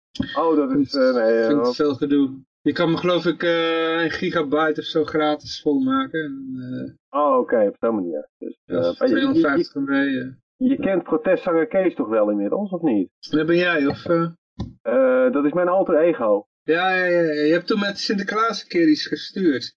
Ja, Sinterklaas was de, de Sintcast. Oh, oké, oké, oké. De Sintcast was ook natuurlijk uh, enorm goed. Maar protestzanger Kees heeft echt uh, geweldige nummers. laten ze het horen. Ja, ik weet niet of je dat, uh, of je dat kunt horen vanaf hier. Uh, even kijken. We gaan even kijken bij mijn track. Anders kom je gewoon uh, volgende week weer in de uitzending. En dan kan je alles laten horen. dit was een aanleiding van... even kijken of we die kunnen, kunnen vinden. Ze zegt, kom gewoon volgende week er weer bij, joh. Ah, hier komt het, uh, het geweldige nummer uh, Trump heb het gedaan. Oké. Okay. protestzanger Kees. Ik weet niet of je het kan horen hoor, want het wordt, uh, het wordt een beetje ingewikkeld allemaal, maar we proberen. Ja, lieve mensen, hier is weer protestzanger Kees. De enige protestzanger die niet kan zingen en ook nog eens geen instrument hebben spelen. En nou ja, zoals altijd weer in hyper hip lo-fi. Hoor je wel? Ik hoor hem, ik hoor hem. Hey, Trump heb het gedaan. En nou ja, u mag weer meezingen. Komt-ie. Het is alles misgaat, je weet het echt niet meer. Je ziet het is een zoutje, dat besef je meer en meer.